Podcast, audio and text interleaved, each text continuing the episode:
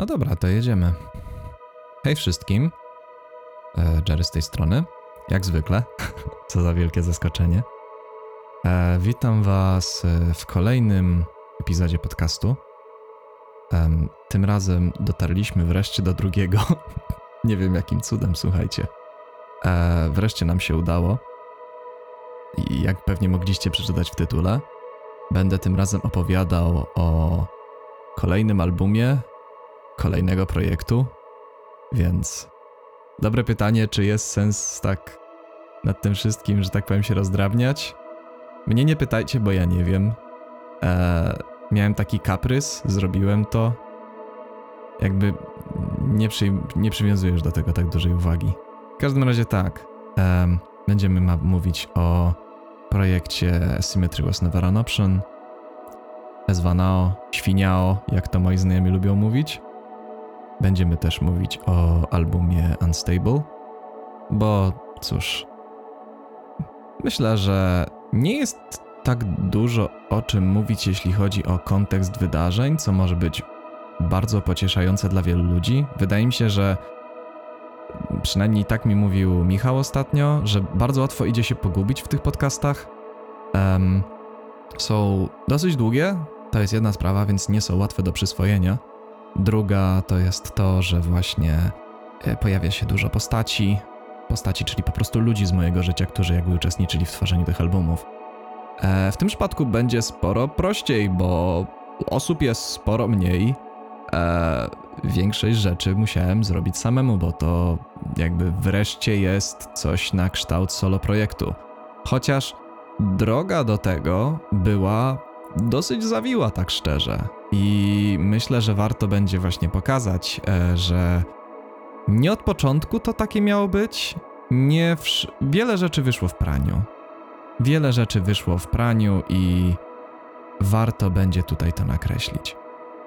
I myślę, że w takim razie prowadzenie mamy za sobą. Przejdźmy do kontekstu wydarzeń. Postaram się go skrócić jak najbardziej się da. Myślę, że prace nad albumem, a jeśli dobrze pamiętam, zaczęły się w kwietniu 2020 roku. Wtedy zacząłem komponować muzykę. Jak wszyscy wiemy, 2020 był jaki był. Tutaj chyba nie trzeba się rozwodzić za bardzo.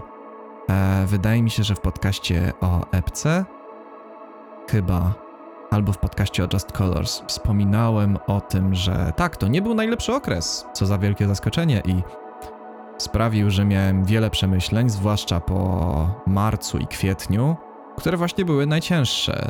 Najciężej było się przestawić, bo wcześniej miałem bardzo intensywny tryb życia i musiałem się nauczyć trochę funkcjonować na nowo. Tak mi się wydaje. Em, I dalej nie był to, że tak powiem, koniec lekcji, i myślę, że no, wszyscy to wiemy, że lekcje będziemy pewnie dostawać od życia do końca życia. Hehe. e, I wiadomo, że to też jest takie bardzo interpretatywne, bo jakby to jest bardzo takie, może brzmieć tak narcystycznie, ale z perspektywy psychologicznej, w sensie osobowość narcystyczna polega na tym, że przetwarzasz bardzo przez pryzmat samego siebie wszystko, a e, większość rzeczy na świecie nie jest nakierowane na nas i nigdy nie było, więc e, trochę komiczne tak to interpretować. Ale jest to jakaś możliwość i czasami przydaje się e, przy samorozwoju. Tylko chyba wydaje mi się, że trzeba pamiętać o tym, że to, to nie jest nakierowane na nas. My możemy to interpretować, ale to nie jest stricte nakierowane na nas. No i dobra, mamy pierwszy filozoficzny, pseudofilozoficzny bełkot za sobą, zajebiście. Em, w kwietniu zacząłem pisać muzykę. Właśnie pod wpływem takich tego typu między innymi przemyśleń, że zaczęło mi się sporo rzeczy zmieniać w głowie, zacząłem myśleć nad tym, jak z pewnymi rzeczami w swoim życiu sobie poradzić, e, z pewnymi epizodami, którymi miałem do czynienia i które myślę, że do dzisiaj bardzo rezonują ze mną, tym czym jestem i bardzo kształtują to, jak ja się dalej rozwijam. E, w kwietniu zacząłem nad tym myśleć i zacząłem też e, nie tylko myśleć nad tym, zacząłem myśleć nad dużo prostszymi sprawami, typu o, fajnie byłoby napisać e, coś, co muzycznie rezonowałoby ze mną w, mojej obecnym, w moim obecnym momencie rozwoju. Em, a zacząłem się interesować inną muzyką niż kiedyś. Kiedyś, e, jak jeszcze grałem w Komandosie, e, graliśmy heavy metal i tak naprawdę pisałem muzykę pod chłopaków. Całe Just Colors było taką próbą połączenia mnie z tym, czego chłopaki chcieli.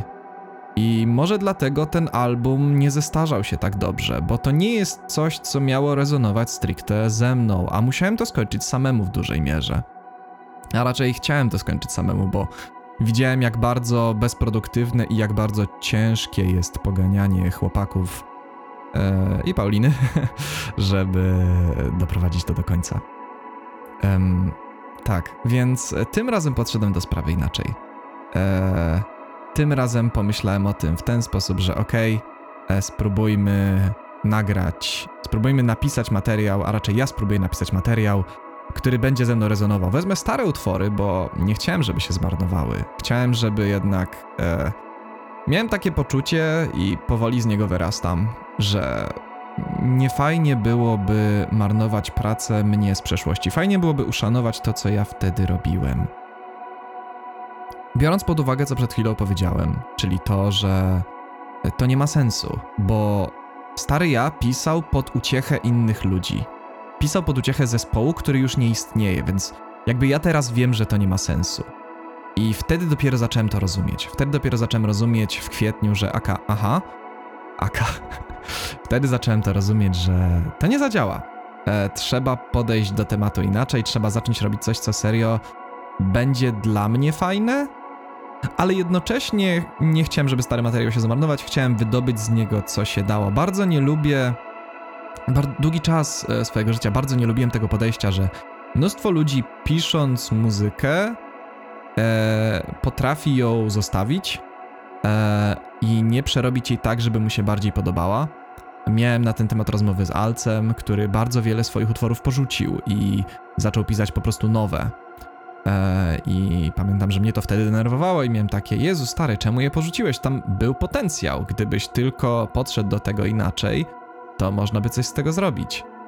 E, z perspektywy czasu pewnie on miał rację, nie? I z perspektywy czasu widać, że większość ludzi tak do tego podchodzi, że ej, nie piszę utworów po to, żeby je skończyć, piszę utwory po to, żeby w końcu zrobić coś, co będzie mi się podobać. Tak mi się wydaje, że część osób może tak do tego podchodzić.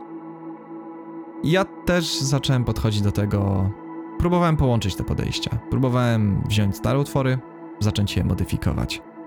Um, to była też taka metoda radzenia sobie właśnie z rokiem 2020. Wtedy jeszcze robiłem to wszystko z myślą jako o Eternum dalej. Wtedy padła ta decyzja, że Eternum jest projektem solowym i że to będzie w ten sposób działać. No i działało. E, sam, dokon- znaczy sam E, sam konsultowałem z Robertem i potem z Konradem e, miksy i to jak to przebiegało. Ewentualnie pytałem się chłopaków, czy coś by ich zdaniem nie było lepiej, mniej, lepiej, gorzej. Ale ostatecznie ja podejmowałem wszystkie decyzje. I tym razem też podszedłem do tematu tak, że próbowałem pisać bardziej z myślą o wokalu. Chciałem e, trochę bardziej dać na to akcent, bo wydaje mi się, że zawsze, przez to, że byłem dużym fanem muzyki instrumentalnej, Zawsze miałem straszny problem z pisaniem pod wokal. Wokal traktowałem jako taki dodatkowy i trochę niepotrzebny element. Um, z czasem rozumiem, jak bardzo jest to błędne, zwłaszcza, że wiele osób będzie bardzo otwarcie mówić, wokal jest jednym z najważniejszych instrumentów. Jest najbliższy człowiekowi. I jeśli piszesz melodię tak, jak śpiewasz melodię, jest spora szansa, że będą one nawet nie z innymi, chociaż też to możliwe, że będą z innymi lepiej rezonować, ale na pewno będą rezonować dużo lepiej z tobą samym. I to jest coś takiego, na co warto zwrócić uwagę. Więc tak, zaczynałem powoli tak pisać muzykę, przerabiać kilka starych numerów i myśleć coraz bardziej o wokalu, o liniach wokalnych w danym momencie. I jeśli mnie spytacie, jak to robiłem, absolutnie szczerze nie mam pojęcia. Yy, nie pamiętam, co się działo dokładnie w kwietniu. To było już dawno temu z perspektywy obecnego czasu. W każdym razie robiłem to. Wiem, że tak, to się działo. Pamiętam o tyle o ile, że przy denserze na przykład miałem taki i taki pomysł i że tu wokal poprowadzi na przykład. E, a tak samo przy Soberze. To były pierwsze utwory, które zacząłem robić. Denser i Sober i jeszcze Recreate. Pamiętam, że potem trochę się to skomplikowało, ponieważ e, no lockdown zaczął się tak jakby przerzedzać. Wszyscy najpierw zareagowali bardzo intensywnie, potem zaczęło się to tak rozluźniać. Wszyscy myśleli, że o, to sobie przejdzie. I wtedy wróciły mocniej próby z chłopakami, zwłaszcza z Havenward zaczęliśmy mocniej pracować. E, wtedy też przecież e, zaczęły się prace nad singlem Turbulences. E, ja miałem w planach i zrobiłem takie jakby playthrough basowe do Turbulences. Mm, to jakby trochę mnie pochłaniało. Potem jeszcze do tego doszło e, od jakby reaktywacji Ektopii, e, która wtedy chciała zacząć pracę nad epką, bo mieliśmy taki solidny zastój. Em, tak naprawdę na moment ten zespół się rozpadł, no.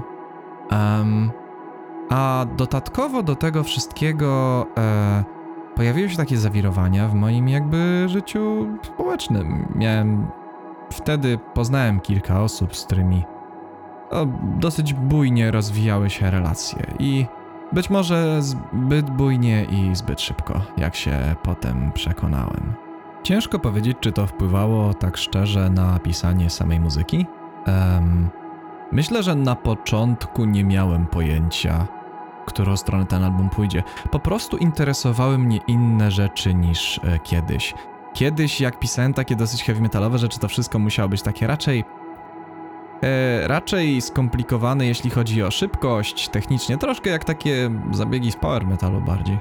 Em, potem zaczęło się to e, komplikować przez to, że tak, ja poznałem muzykę progresywną i zaczęło mnie coraz bardziej interesować inne rzeczy. Zaczęło mnie interesować e, nieprzyjemne melodie, zaczęło mnie interesować wywieranie nieprzyjemnego wrażenia.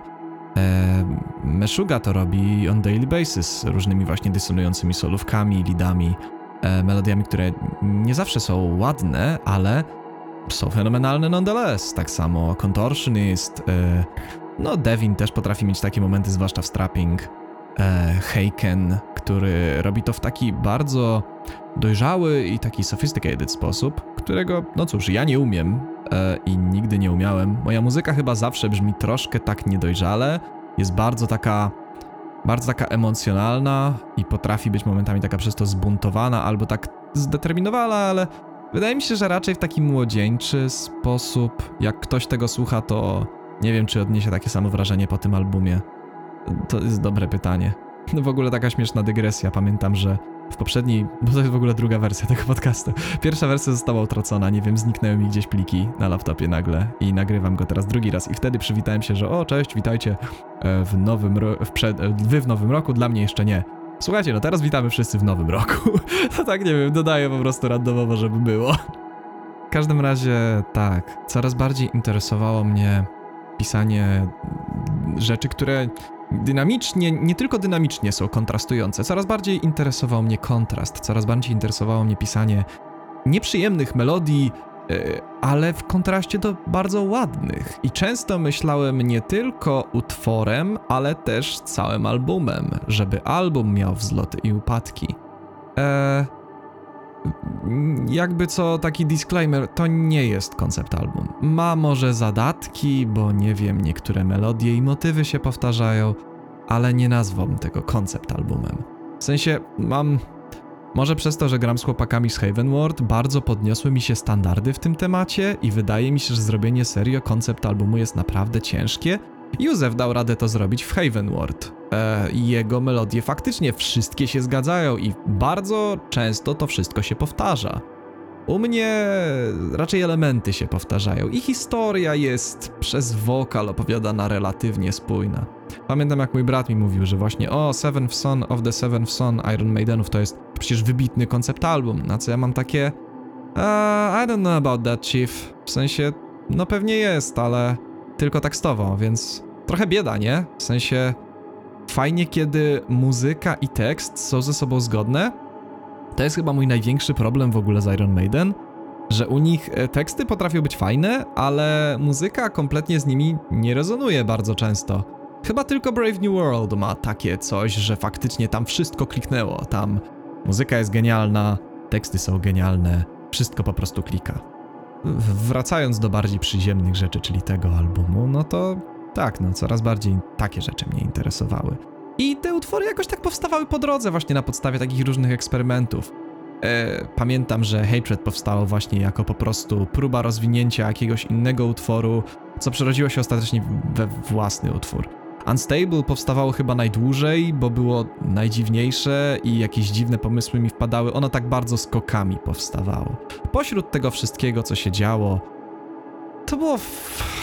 Chciałbym powiedzieć, że to było takie o, inspirowane zawsze wydarzeniami. E, Teksty może tak, teksty raczej tak. Tek tekstami faktycznie skupiłem się na takim rozrachunku z wieloma wydarzeniami, które, przez które przechodziłem.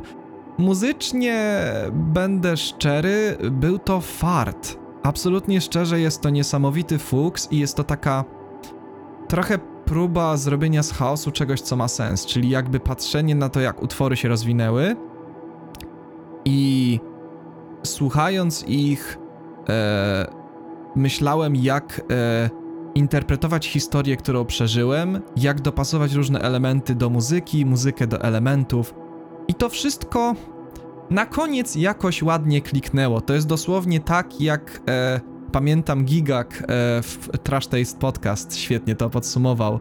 E, zakończenie anime o nazwie Code Geass, gdzie po prostu wszystko coraz bardziej, wszystko jest już coraz bardziej chaotyczne i spośród tego chaosu to auto tej historii po prostu spośród wypadków, pożarów i w tym wszystkim perfekcyjnie zaparkowało.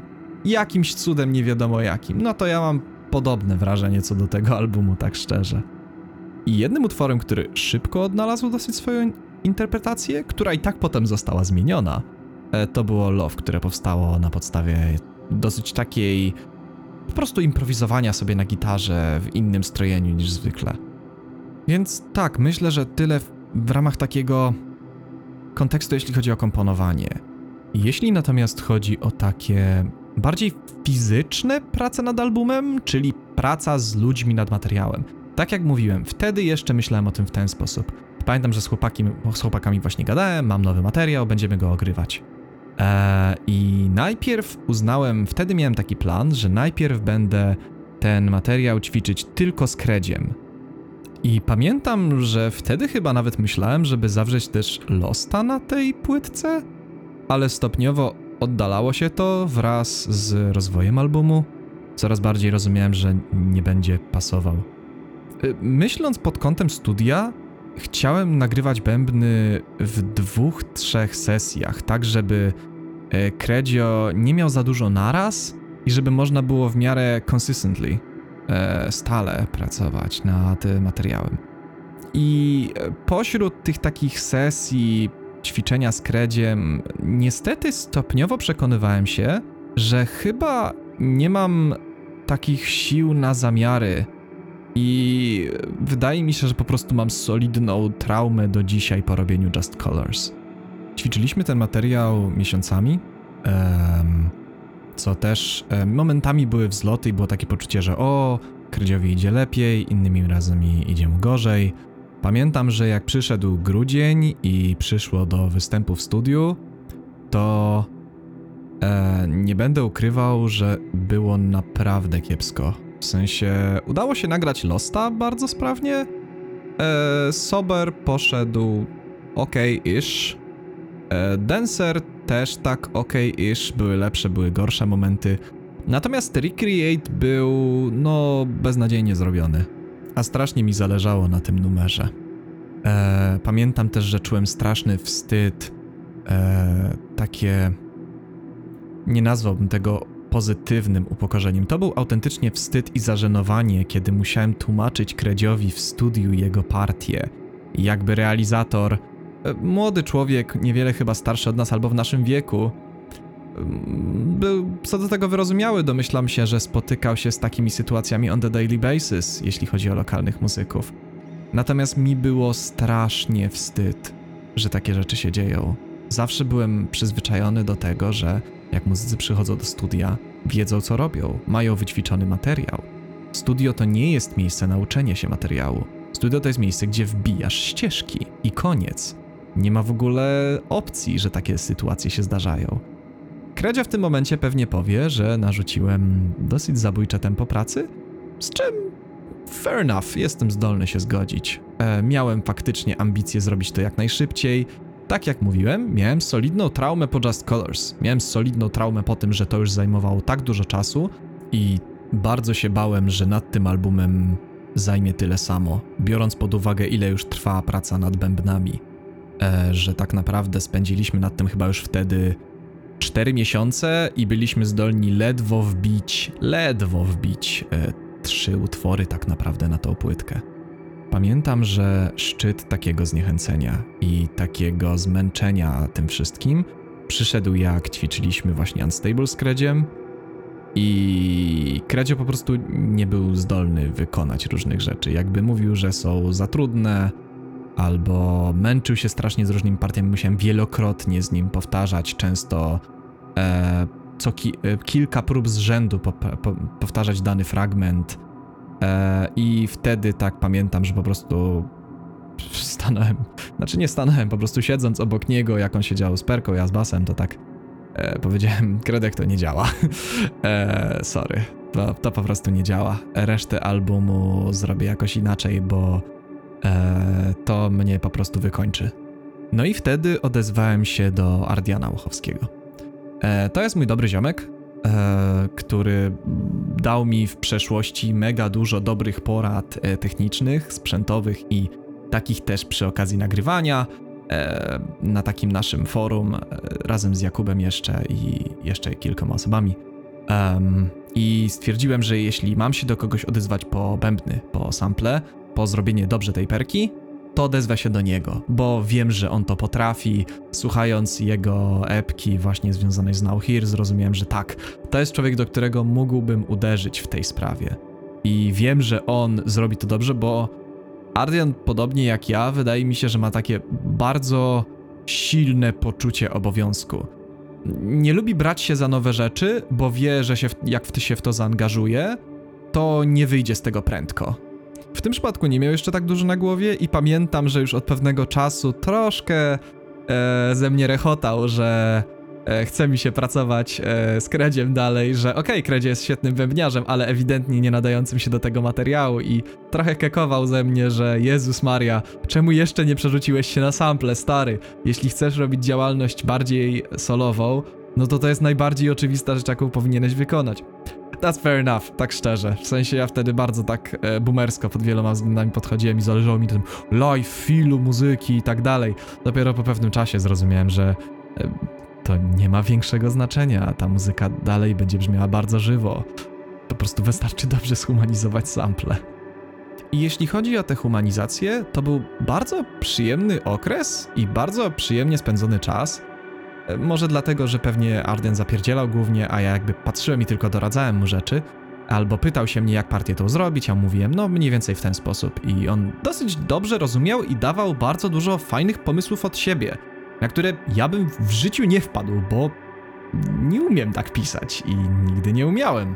Oczywiście, że obaj mamy tendencję do wpadania w milion dygresji, no to to robiliśmy i bardzo często on mi pokazywał właśnie różne materiały, gdzie pokazywał mi jakie bębny, jak, dlaczego tak robi bębny na przykład w tym miejscu, e, albo o, w tym fragmencie można to zagrać tak. I że jak ja mówiłem na przykład, że o, to mi się wydaje niewykonalne, a on pokazywał mi, no to spójrz na tego bębniarza na przykład, on to potrafi. Co prawda my nie celujemy w jakichś ekstremalnych bębniarzy, ale zobacz, to nie jest ekstremalny bębniarz. To jest po prostu gościu, który wykminił, że tak to się da zrobić i to wcale nie jest trudne do nauki.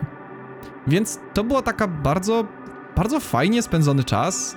Trochę się nauczyłem i trochę zrozumiałem, na jak fajne sposoby i jak łatwo można dobrze robić muzykę to wydało mi się wręcz niesamowite, że to może przychodzić tak łatwo. Eee, I to wynika z tego, że po prostu Ardian ma ogromne doświadczenie w nagrywaniu siebie w domu i robieniu muzyki w domu, w takim home studio, co jest normalne pewnie też na zachodzie bardziej. Pamiętam, że na początku też miałem pomysł połączyć e, z samplami Ardiana te live bębny Gredzia. Ardian dosyć szybko wyperswadował mi ten pomysł, pokazując jak bardzo źle są nagrane bębny w tym studiu, bo dałem mu te ścieżki i stwierdził, to brzmi naprawdę kiepsko.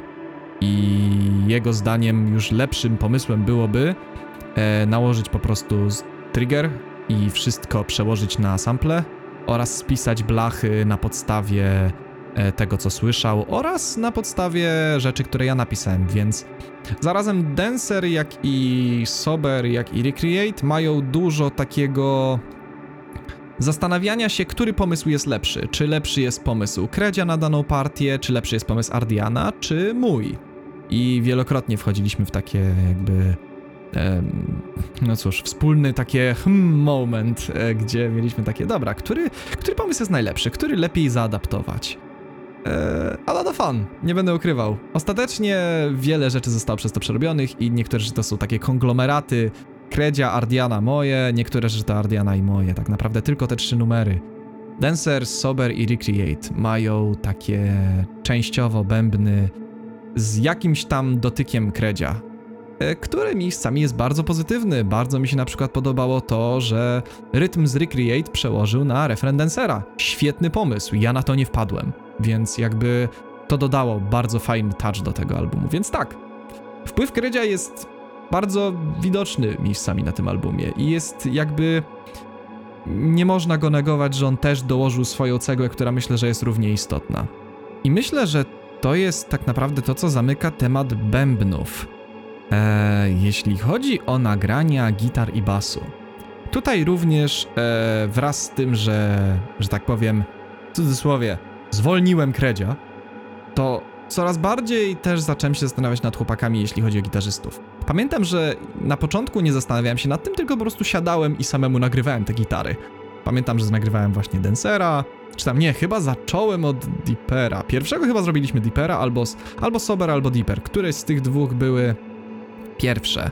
Bo do, jed- do Deepera jako pierwszego chyba dostałem sample, a Sobera jako pierwszego zacząłem po prostu rzeźbić tak, e, gdy tylko dostałem live bębny. E, co potem trochę skomplikowało temat humanizacji tych sampli, bo trzeba było je humanizować już pod gotowe gitary. Ale jakoś się udało. E, pamiętam, że właśnie nagrywałem sobie samemu te gitarki i zaczynałem coraz bardziej rozumieć, że chyba tak mi się lepiej pracuje, tak szczerze. E, zwłaszcza, że miałem coraz większy problem z dogadaniem się z chłopakami. I nie mówię o takich kłótniach czy czymś. Bardziej o tym, że Balcer i Alcu szybciej zaliczyli dorastanie w porównaniu do mnie. W takim bardzo prostym, literalnym sensie, że szybciej się wyprowadzili, e, zaczęli mieszkać na swoim, ze swoimi partnerkami życiowymi. I to sprawiło, że nie mieli już tyle czasu co wcześniej. I było to ewidentnie widać, że coraz ciężej było im znajdować czas, coraz ciężej było się z nimi złapać, dogadać. I tak jak przy epce to się jeszcze udawało z Balcerem i Alcem, tak teraz, m, zwłaszcza 2020, pewnie też dołożył do tego swoją cegłę. E, było to graniczyło z cudem i zrozumiałem w pewnym momencie, że e, trochę mi się zaczęło tak szczerze odechciewać. E, jakby nalegać na to, żeby koniecznie oni robili gitary, zwłaszcza, że coraz fajniej mi się samemu to robiło. Byłem w tym kiepski, ale znałem metody na obejście tego i radziłem sobie tak, jak umiałem, i byłem zadowolony z tego, co potrafiłem osiągnąć. I chyba wtedy zrozumiałem, że tak to. Wtedy powoli zaczęło do mnie docierać, że to będzie solo projekt, że będzie bardzo mało wpływu innych ludzi na tym albumie w porównaniu do poprzednich. To nie będzie tak, że ktoś nagra gitary, ktoś zrobi to. W tym przypadku tak naprawdę ja musiałem napisać te utwory. Ardian pomógł mi w pisaniu bębnów i to faktycznie jest istotna część, tak samo Kredek. Ale ostatecznie większość musiałem... E, sam musiałem napisać jakby te bębny na początku. Sam musiałem potem nagrać gitary. Jak i również, no akurat bas to wiedziałem, że będę nagrywał. Wiedziałem też, że będę nagrywał wokale. Ale ten moment nagrywania gitar bardzo mi uświadomił, że tak, to będzie co innego to będzie już bardziej solo. Tu już faktycznie wszystko muszę ogarnąć samemu. Nie będę miał realizatora, który też zrobi mi brzmienie gitar. Ja muszę sam właśnie na podstawie pluginów wybrać to brzmienie. To już było przy epce, ale to wszystko się złączyło w coś takiego, że zrozumiałem, tak, to będzie solo projekt. Coraz bardziej też pośród tego wszystkiego, bo mówimy tutaj o w miarę już spójnym jeśli chodzi o czasowo rzeczy. Na szczęście to w miarę spójnie czasowo wyszło. Bo to wszystko zaczęło się tak klarować w grudniu, styczniu, na przełomie 2020 i 2021. Pamiętam, że miałem wtedy też solidnego moralniaka po różnych wydarzeniach właśnie związanych z właśnie środkiem 2020, z wakacjami. Em, w tym wszystkim e, zaczął mi się klarować pomysł na album. Już wcześniej był zalążek. Było takie stwierdzenie, aha, to będzie o tym i o tym, to będzie się rozliczało z pewnymi tematami z przeszłości. Obecny temat też się do tego dołożył i sprawił, że tak, to trzeba zrobić. Zrozumiałem wtedy, że mam wiele rzeczy do przepracowania z samym sobą i robienie tego muzyką szczerze nie jest takim złym pomysłem. Przynajmniej w moim przypadku. Nie wiem, czy to komukolwiek polecać, ale w moim przypadku to był dobry pomysł. To mi pozwoliło usiąść z tym wszystkim, zastanowić się nad tym, zapisywanie tego w teksty i ujmowanie tego, czasami nawet naokoło, pozwoliło mi pomyśleć serio nad tym, skąd to się wzięło i jak to zapisać. Najpierw muszę dany temat przemyśleć, żeby serio o nim coś stworzyć.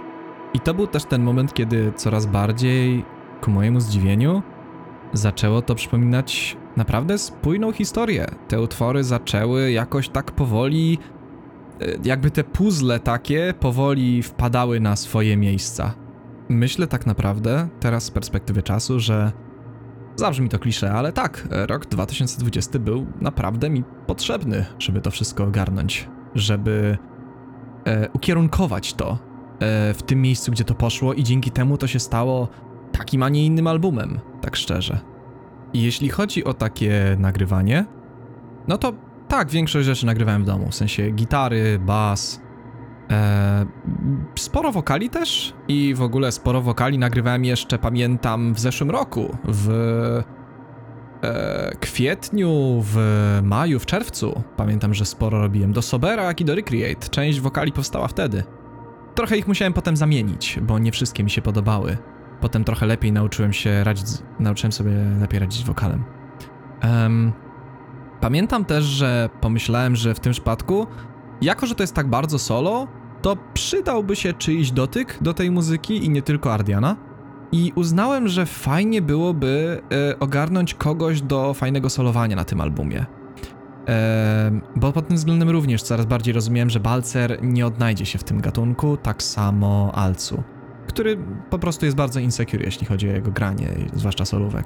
Więc poprosiłem Jakuba We- Wejdera, z którym miałem już do czynienia i wiedziałem, jak potrafi fajne rzeczy zrobić, oraz e, Stanisława Serwatowskiego, czyli dobrego znajomego, z którym wcześniej grałem w Eternawce, żeby nagrali mi właśnie solówki, zwłaszcza, że ja się z tym również wtedy bardzo średnio czułem. Em, było kilka pomysłów w ogóle takich też, jakby był taki pomysł na takie solo fest niemalże w Hatredzie pod ten podkład, który tam leci, pod który ostatecznie jest jedno solo. Zrezygnowałem z tego, bo za ciężko było to ogarnąć. W sensie chciałem ogarnąć dużo osób, ale jak zwykle takie inicjatywy najczęściej umierają na samym początku, kiedy wszyscy powiedzą, że chętnie zrobią, ale jak przychodzi do szczegółów technicznych, to się wysypują. E, zorganizowanie tego wszystkiego jest dosyć ciężkie i po prostu już zrozumiałem, że okej, muszę brać siły na zamiary, bo inaczej to nie przejdzie, nie ma opcji. Oczywiście jakby wiadomo, że te wszystkie rzeczy się przeplatają i w międzyczasie było zmiksowane Just Colors e, i niedługo potem też Aside from City i to wszystko jakby tak szło dosyć symultanicznie, bo taki miałem dotychczas tryb pracy, że chciałem się bardzo wydostać spod wielu rzeczy i zacząć też robić jednocześnie nowy materiał. I zaznaczam to nie bez powodu. Chodzi o to, że przy tym jak wydawałem Panią Jeziora e, od, i jak już kończyłem tak naprawdę nagrywanie swoich wokali do tego nowego albumu, napisała do mnie wtedy Ludmiła, która jest jedną ze znajomych, z którą chodzę na taki chór, o którym chyba mówiłem wcześniej, że chór Wydziału Biologii i całkiem lubię to miejsce. Pamiętam, że napisała do mnie wtedy, żebym, czy nie chciałbym e, żeńskich wokali na albumie. E, jakiegoś chórku właśnie, czy coś w tym stylu. No i ja oczywiście powiedziałem bardzo chętnie, absolutnie szczerze. Jeśli możemy to zrobić, jedziemy. I w ten sposób zgarnąłem właśnie Ludmiłę, Julię i Adelę, z którą wcześniej już pracowałem na epce i przy jednym utworze z Just Colors. Em, I tak, pamiętam, że sporo wtedy rzeczy powstało. Dziewczyny były bardzo chętne i łatwe do pracy. To mi się bardzo podobało. Bardzo łatwo było się z nimi umówić na spotkanie, e, ogarnąć, żeby nauczyły się partii. Też im zajmowało to dosyć szybko. Atmosfera była dosyć luźna, więc też nie było jakiejś strasznej spiny. Absolutnie szczerze myślę, że to ja byłem tym trudniejszym elementem do pracy, bo wpadałem co chwila na jakieś nowe pomysły na ten chór. e, z którymi dziewczyny tak, no, czasami miały problem i same stwierdzały, że to chyba jest takie już over the top, że tak powiem, i że to chyba nie będzie miało zastosowania funkcyjnego żadnego na albumie. E, z czym się zgadzam, bo sporo tych ścieżek potem musiałem wywalić i bardzo dużo rzeczy e, się nie zachowało kompletnie. Ale no, to jest lekcja dla mnie, żeby ostrożnie pisać chóry, albo jeśli dostajesz nowe narzędzie, to żeby nie nadużywać go za bardzo. I ostatnią rzeczą, o której wspomnę, to pewnie będzie solowy żeński wokal, bo to jest ostatni element, który był nagrywany. I to też wyszło przypadkiem, tak szczerze. W sensie pamiętam, że poznałem wtedy jedną dziewczynę, e, właśnie Alicję, która jest wspomniana w kredytach albumu. I ona mi powiedziała, że właśnie tak, była kiedyś po szkole muzycznej, e, była stwierdzona jako sopran. I o ile sama przyznaje i mówiła mi o tym, że nie czuła się super gotowa i jakoś mm, najlepiej rozśpiewana na to wszystko, wydaje mi się, że jak sama stwierdziła, że pewnie zajęłoby jej to kilka tygodni, a pamiętam, że wtedy już troszkę śpieszyłem się, żeby spinać album. No i wydaje mi się, jak ja słucham teraz z perspektywy czasu, niektóre osoby mi mówiły właśnie słuchając przedpremierowo albumu, że no, niektóre rzeczy wyszły średnio. E, pewnie tak, no. Mogę tylko wzruszyć ramionami. E, mi się podoba, nie? Albo przywykłem po prostu już do tych rzeczy. Jest to coś, co zdołałem zrobić. W każdym razie tak. E, wielkie dzięki dla Alicji, że chciała dać swój wokal, bo bardzo mi się marzyło, żeby właśnie w dwóch utworach przynajmniej pojawił się solowy żeński głos i żeby ona coś nagrała. E, bo jeśli chodzi o jeszcze inną osobę, która nagrała, czyli bo była właśnie Alicja i była również e, Natalia Rama, która nagrała głos do Wisdom. Ona też nagrała swoje ścieżki do Love i do Sober, ale ostatecznie zostawiłem wersję ścieżek Alicji, bo bardziej mi się podobały. Mm, ale Wisdom świetnie się sprawdziła, więc czemu by nie?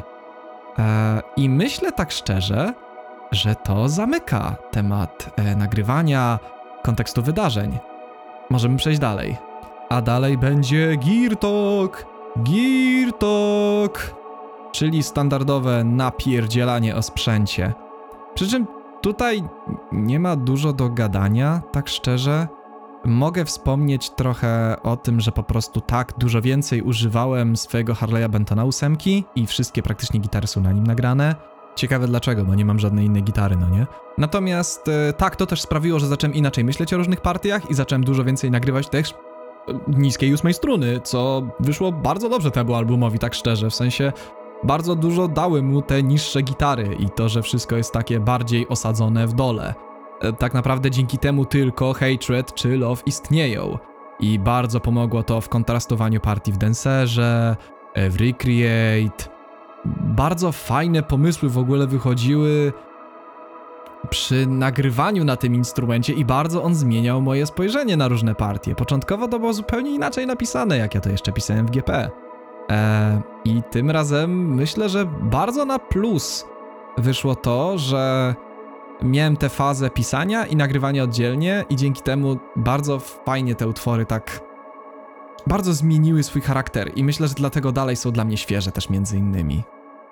Jeśli chodzi o jakby processing, tym razem obie, oba rytmy są przetworzone przez Namelessa, a lidy przez Noliego. I jakieś ambienty, jakieś e, kliny, wszystko to będzie Noli. Um, jeśli chodzi o bas, pamiętam, że nagrywałem tylko dwa utwory, tym razem nagrałem na swoim Ibanezie BTB7 e, i będzie to Dancer i Unstable. Natomiast cała reszta ostatecznie została nagrana na Dingwallu Combustion 6. I jestem absolutnie szczerze pod dużym wrażeniem, jak fajnie Konrad ukręcił ten bas na tym albumie. Jeśli chodzi o processing, no to standardowo użyłem Parallaxa, bo dosyć dobrze się dogaduję z tym softem i nauczyłem się go trochę lepiej używać po epce, też mi się tak wydaje. E, dodałem trochę elektroniki, e, tak jak przy Strongerze użyłem tutaj Abletona, ale także użyłem trochę nowego softu i to jest Vital i teraz dużo więcej w nim pracuję, bo nauczyłem się go fajnie używać i odkryłem, że ma dużo całkiem ciekawych możliwości, które bardzo dają taki ładny, futurystyczny vibe przy tak naprawdę niedużym wkładzie własnym, żeby tę elektronikę tworzyć. Na początku interfejs wyglądał bardzo alienu alienująco, ale potem w sumie stał się dosyć czytelny i spójny. Jeśli chodzi o wokal, no to tak jak przy epce, był to Rode NT1. Um, jeśli chodzi natomiast o interfejs, którym wszystko to zbierałem, to Motu M2. Jeśli ktoś by się interesował bębnami, to były nagrane. nagrane. Znaczy, te co były nagrane, to były nagrane w California Studio. E, potem zostały przetworzone przez GGD Invasion e, i stamtąd są blachy tylko na tym albumie. Konrad zrobił własny procesing, jeśli chodzi o resztę. Tak naprawdę nie processing, tylko sampling. Ale tak, e, on nałożył jakąś kompletną mieszankę Slate'a, kolejnego swojego GGD i jeszcze jednej biblioteki, która chyba poszła na werble stricte. Więc tak, też taki fajny Frankenstein. I myślę, że to zamyka temat Girtoku. I temat spójny z nim dosyć to miksy. I tak naprawdę zaczęły się niemal od razu po epce, w sensie po Aside from City. E, to była przerwa może dwa tygodnie. E, I trwały 7 miesięcy ale to głównie z mojej winy. tak, żeby nie, w obronie Konrada, absolutnie szczerze, to było głównie z mojej winy. Głównie dlatego, że ja nie potrafiłem e, uwagami dosyć szybko zamknąć tematu, to jest jedna sprawa. Drugą było to, że wysyłałem e, znowu Konradowi utwory jako single i nawet on w pewnym momencie mi zasugerował, że może wyśli mi całą płytkę, no nie? Miał rację, najgorsze było to, że ja to robiłem tak dlatego, że poprawiałem sporo ścieżek potem. E, I poprawiałem wokali trochę, musiałem ich dodać trochę, bo niektóre zapomniałem w ogóle nagrać, które były całkiem istotne. E, dużo było z tym takich fanaberii. Tak samo z tymi żeńskimi wokalami trochę się męczyłem, żeby je wreszcie nagrać na sam koniec. Więc tak, wysłanie całej płytki trochę mi zajęło. I wtedy faktycznie Konrad bardziej ruszył z kopyta, i w miarę na szczęście udało się już wtedy szybko pracować nad tematem i e, poprawić, że tak powiem, e, wcześniejsze, wcześniejsze tempo pracy. Pamiętam, że pod koniec właśnie nawet już się trochę stresowałem, bo miałem taką nadzieję, że wydam tą płytkę do końca roku. Przesunąłem to na następny, bo uznałem, że za duże znaczenie do tego przywiązywałem, tak szczerze. I już takiej paranoi sam dostawałem ze sobą, że o, to musi być wydane w tym roku, że taki sobie postawiłem goal i to tak ma być, a potem zrozumiałem, że jakby okej, okay, to jest dla mnie istotne, ale no to, to jest hobby, nie? Nie mam żadnego deadline'u, mogę to wydać kiedy chcę. I tak nie bardzo ktokolwiek to wysłucha, nie? Jakby bardzo mi się zmieniło podejście, ja to robię dla siebie. I o tym też trzeba będzie w sumie powiedzieć przy okazji kolejnego tematu, do którego myślę, że mogę przejść, bo z miksów tak naprawdę wyniosłem tyle, że okay, muszę Następnym razem wyślę Konradowi całą płytkę i bardziej zadbam o to wszystko, żeby to było bardziej spójne. Eee, I będzie mu wtedy łatwiej. Tym razem wyjątkowo, zanim przejdziemy do omówienia albumu, dobrze byłoby też omówić e, kilka decyzji, które nastąpiło po drodze, czyli chociażby zmianę nazwy i tak naprawdę stworzenie z tego kompletnie nowego projektu. Powodów było kilka, one tworzyły się wszystkie powoli, tak e, w mojej głowie. Myślę, że takim najistotniejszym i pierwszym, od którego trzeba będzie zacząć, to było takie zrozumienie wraz z tym wszystkim, co się działo po drodze, w związku z nagrywaniem, tworzeniem, że to będzie bardzo odstawało od y, tego, co robiło Eternum. To była pierwsza rzecz. Drugą było to, że chyba chciałem pomóc Stanisławowi, żeby miał bardziej własny output e, twórczy, bo trochę mi było przykro, tak szczerze, że tak ciężko mu to ogarnąć więc uznałem, że tak naprawdę fajnie by było, gdyby to właśnie on pociągnął Eternum dalej.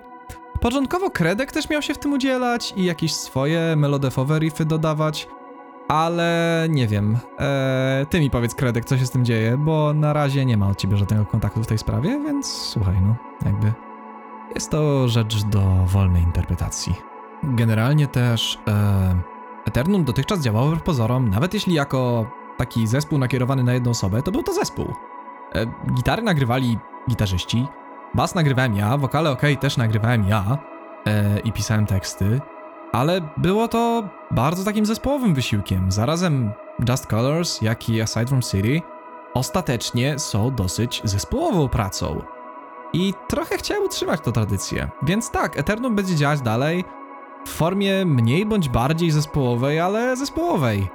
Natomiast y, symetria no, możemy do tego przejść od razu. generalnie nazwy tej nie szukałem długo. W pewnym momencie ona po prostu się pojawiła pod wpływem właśnie różnych przemyśleń i tak zrozumiałem, że chciałbym założyć projekt o tej nazwie. Też pamiętam, że Jakub mówił, że bardzo fajna nazwa, chociaż bardzo długa. I pasowała mi, bo pasowała mi też do tego albumu, a ten album jest trochę tym, myślę, co, czym będzie się zajmował ten cały projekt. Myślę, że on będzie taki dosyć jasno nakierowany. Bardzo chciałem zrobić coś, co będzie takie solowe i bardzo introspektywne. Będzie polegało na takim mierzeniu się trochę z rzeczywistością i konfrontowaniu z nią i rozumieniu, aha, te rzeczy na przykład tak nie działają, świat to chaos i uczeniu się jakby tych wszystkich wartości, słuchając zarazem siebie, jak i patrząc na wydarzenia wokół, próbując się uczyć i trochę nakierowany na ten projekt. No takie też zrozumienie, samookreślenie symmetry was never an option, no wiadomo, dosyć chyba oczywista metafora. Symetria w tym przypadku to jest taki porządek świata trochę w moich oczach. Czyli takie rozumienie, a wszystko jest pokładane, wszystko gdzieś zmierza. Jest jakiś związek przyczynowo-skutkowy, jakieś tam e, przeznaczenie i tak dalej. Tak jakby się bardzo już bawić w takie wydumane pojęcia. I zrozumiałem, że to nie do końca tak działa. Że świat jest bardzo chaotyczny i bardzo często nie ma związków przyczynowo-skutkowych, nie ma. nie zmierza to w żadnym konkretnym kierunku. To po prostu jest. Trochę tak. Z, to jest trochę jak. E, mówi o tym Visos w jednym filmie, że jest e, protagonist syndrom i to jest takie właśnie odbieranie wszystkiego jako nakierowane na siebie na świecie oraz e, Sonder, czyli zrozumienie, że wbrew pozorom jest się tylko małym elementem świata i e, świat wokół nas bardzo mało jest nakierowany na nas. I tak naprawdę głównie na po prostu bycie. E, I my jesteśmy elementem tego bycia i bycia w tym całym chaosie i bałaganie. I myślę, że to chciałem, żeby wyrażała na pewno. Na pewno to chciałem, żeby wyrażała nazwa. Taki chaos i to, że to wszystko jest takie alienujące, niepewne, nie ma żadnego porządku. Symetria nigdy nie była opcją.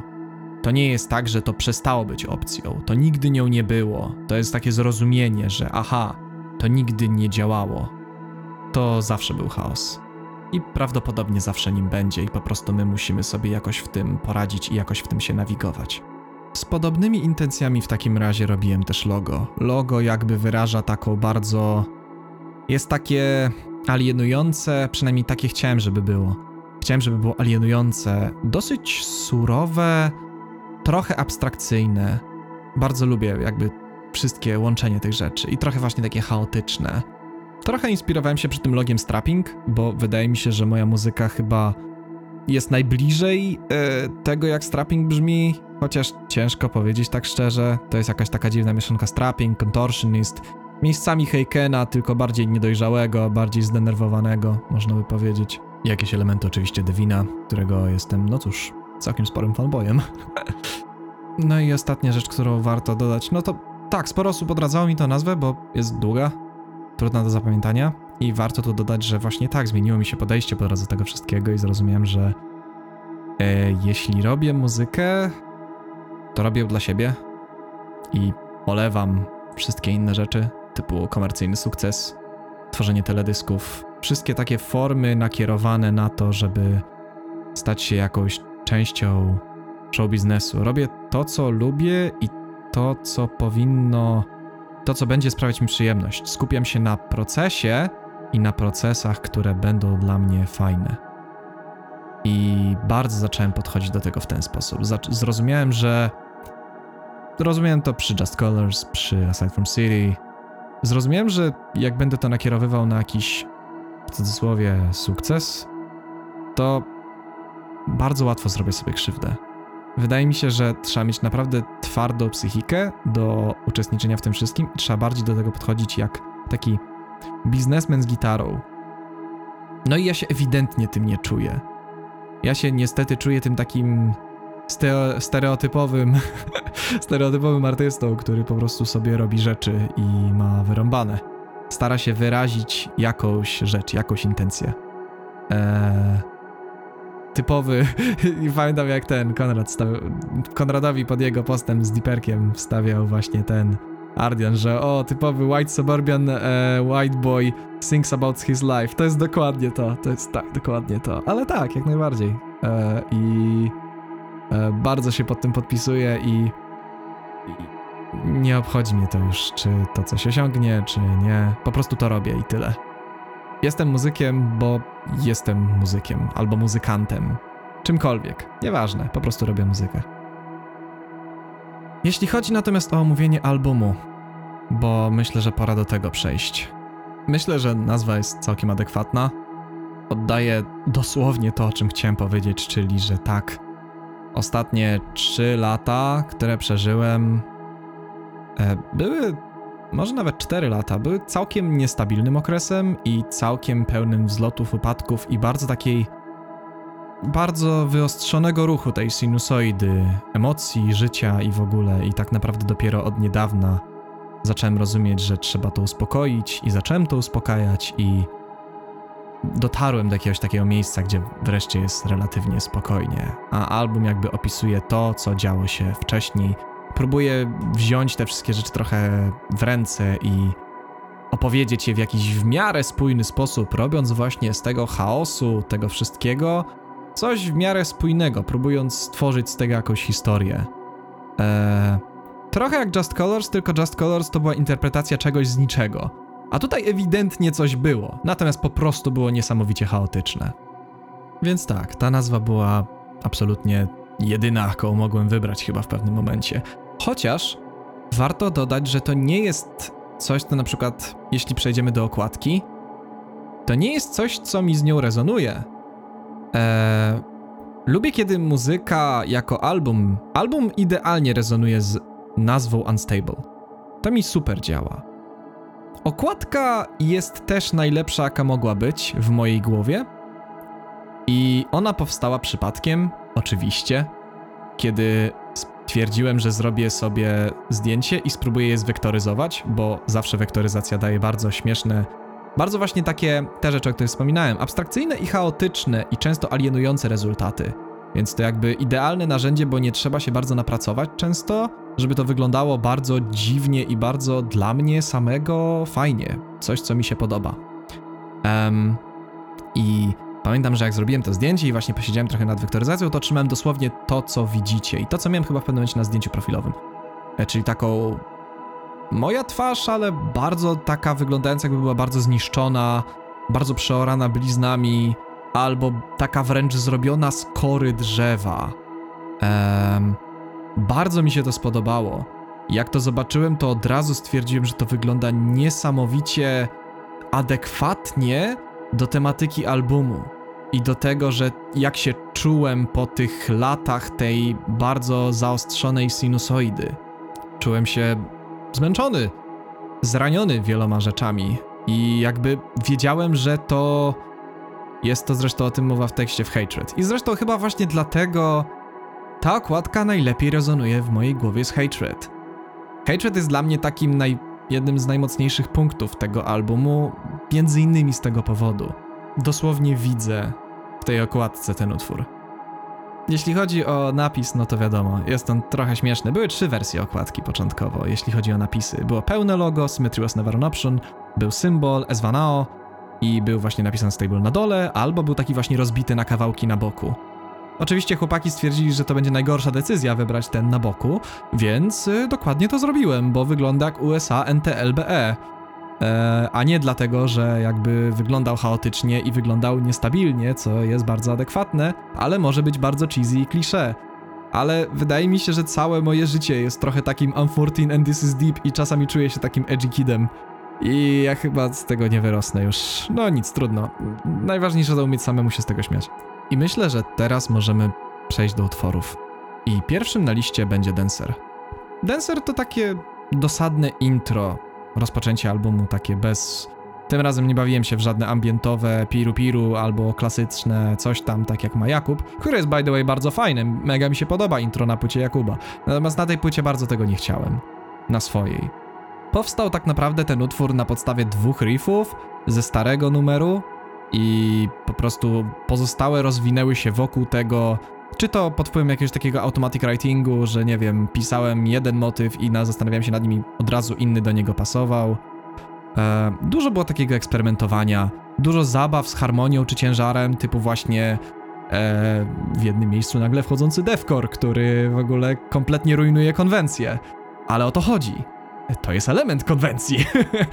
Więc jakby wszystko, wszystko na świecie zosta- wszystko zostaje w naturze, że tak powiem. Jest też trochę takich bezwstydnych zżyn, tak szczerze. Jest taka jedna ewidentna zżyna z Oscillatora Contortionist, e, która pewnie jak ją usły... No w ogóle tam jest w sumie... Ten devcore też jest taki contortionistowy, ale tak, ta druga jest ewidentna po prostu, że jak ktoś to usłyszy, to będzie miał takie... Chwila, moment. E, no, nie będę ukrywał. Mocno się inspiruję tymi rzeczami e, i bardzo lubię robić takie puszczenie oczka do innego twórcy, nawet jeśli on tego nie zobaczy. Nie o to chodzi. Chodzi o to, żeby to zrobić. Że- to jest fan. To, co też wcześniej mówiłem, czyli to, że Kredek przeniósł z Recreate tutaj pattern stopy, dzięki czemu tworzyć takie fajne, delikatne nawiązanie przyszłości, o którym zresztą opowiem przy okazji Recreate'a pewnie znowu. E, niestety się będzie to powtarzało. Jeśli chodzi jeszcze o nagrania i o takie jakby muzyczny bardziej aspekt instrumentalny, sporo tutaj sobie pomagałem, bo e, no nie będzie to żadną tajemnicą dla moich znajomych, natomiast dla nieznajomych, e, jakby co, ja nie umiem tak grać na gitarze, jak tutaj jest ona nagrana. W sensie ja bardzo średnim jestem gitarzystą, tak szczerze. Natomiast umiem się nagrywać i wiem jak na przykład e, zwolnić playback w Reaperze, żeby nagrać agresywny downpicking, który jest bardzo szybki, w sposób, w który ja nigdy w życiu nie, dałbym rady, nie dałbym rady nagrać. E, I bardzo często sobie pomagałem tą funkcją zwolnienia playbacku w Reaperze. Bardzo często e, ciąłem rzeczy i nagrywałem małymi fragmentami. Mimo tego jest dosyć krzywo, no bo tak, jestem dosyć średni.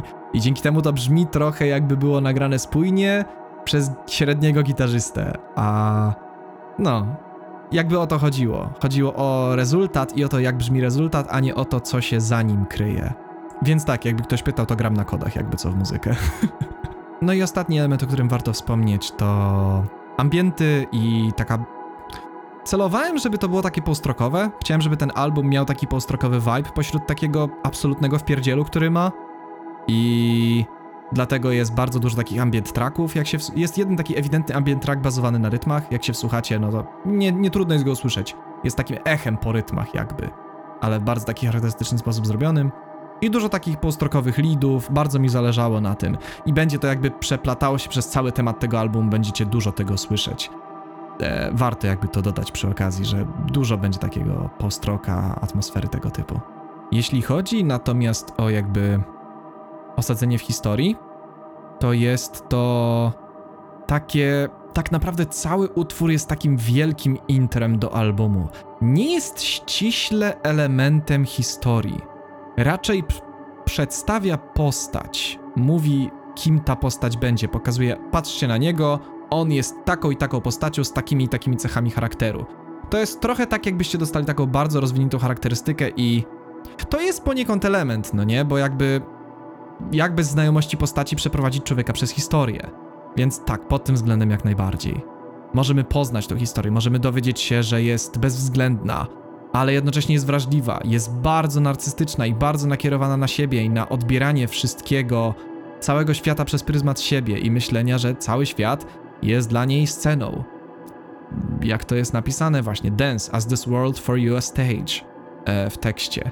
I tak samo w refrenie właśnie poznajemy insecurities tej postaci, to, że ona jest właśnie bardzo, bardzo insecure, bardzo niepewna.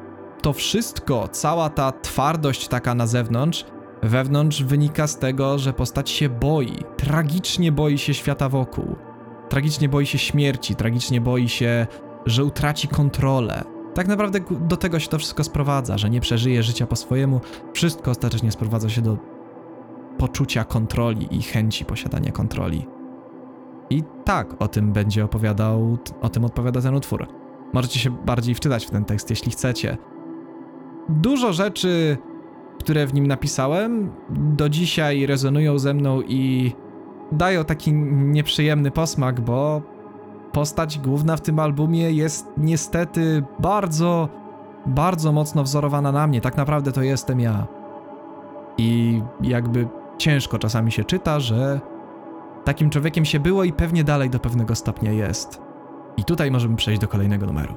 I to jest Dijaf, czyli Dude, it's just a vehicle. I to cały ten utwór wyniknął z tego, że jak pisałem Dancera, bardzo mi się podobały te riffy, co pisałem, ale w takim kontekście, w jakim były, a jednocześnie napisałem też trochę ich wariacji, między innymi właśnie tą, którą słyszycie w Dijavie, pod spodem, w podkładzie. I nie byłem zdolny je sadzić w Dancerze. Chciałem ją na outrze, ale zrozumiałem, że to zabije całą dynamikę tego, że Dancer jest taki relentless. Zwłaszcza po tym refrenie on miał być taki agresywny jak cholera. Em, ciężko było to pogodzić, więc zrozumiałem, że po prostu zrobię z tego osobny utwór, który będzie takim właśnie wielkim wehikułem na solówki. Em, co to wnosi do historii? Nie wiem.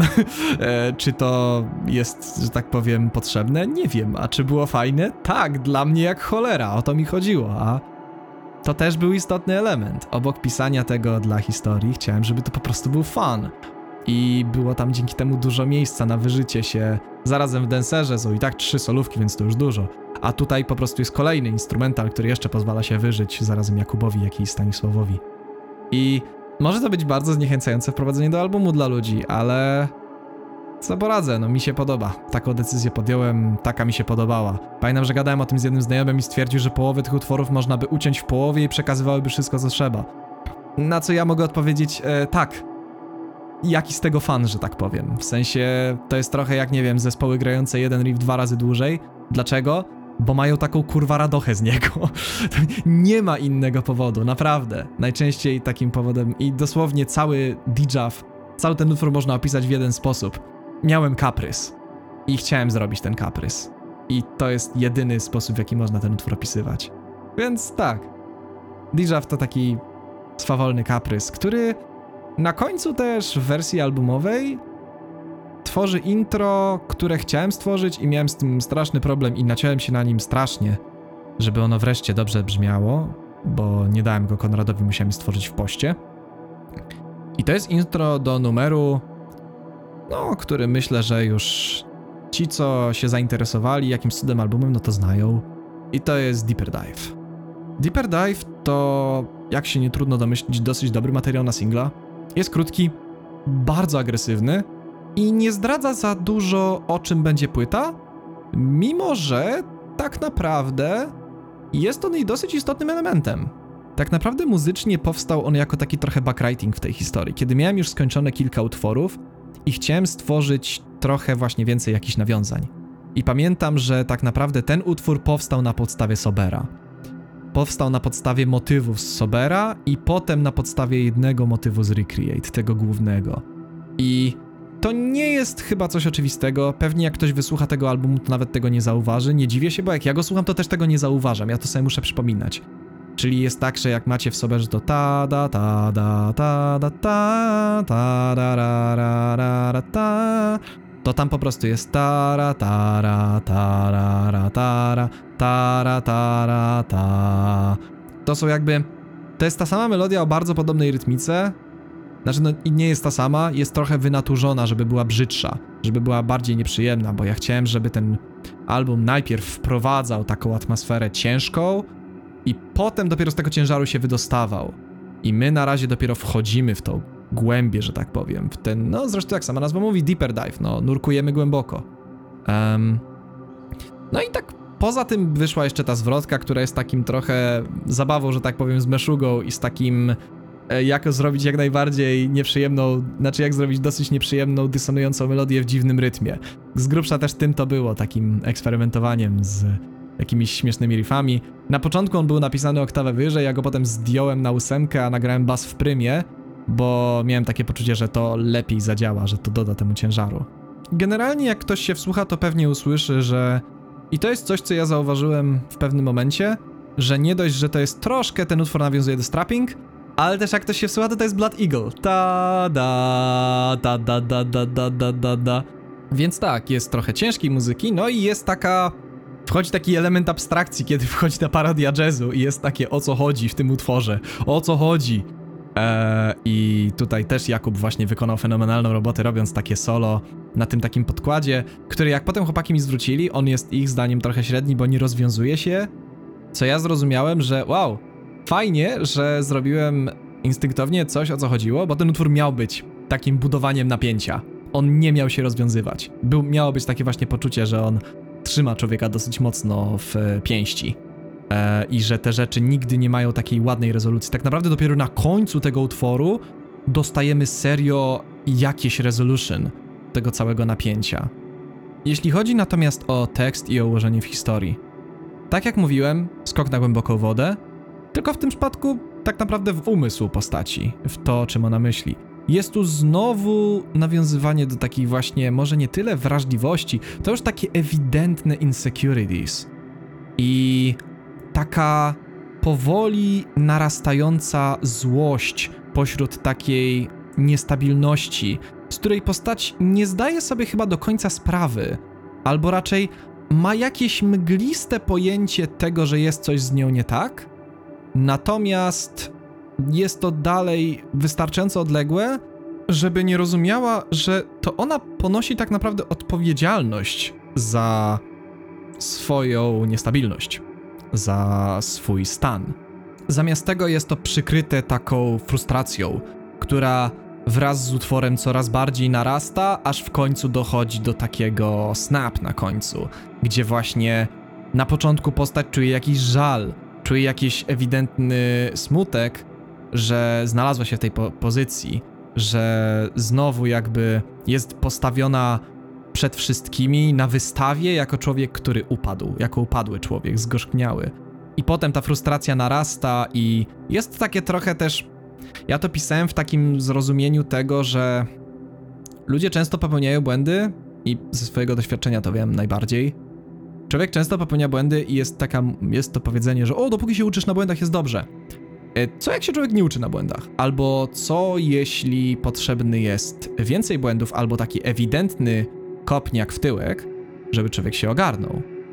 I no ja tego doświadczyłem empirycznie, że czasami naprawdę nauka na błędach potrafi przyjść powoli i jeśli nie rozumiemy za dobrze swojego błędu, albo jeśli nie dotarła do nas pełna powaga jego, to będzie nam naprawdę ciężko się nauczyć. Może nie nam, mnie.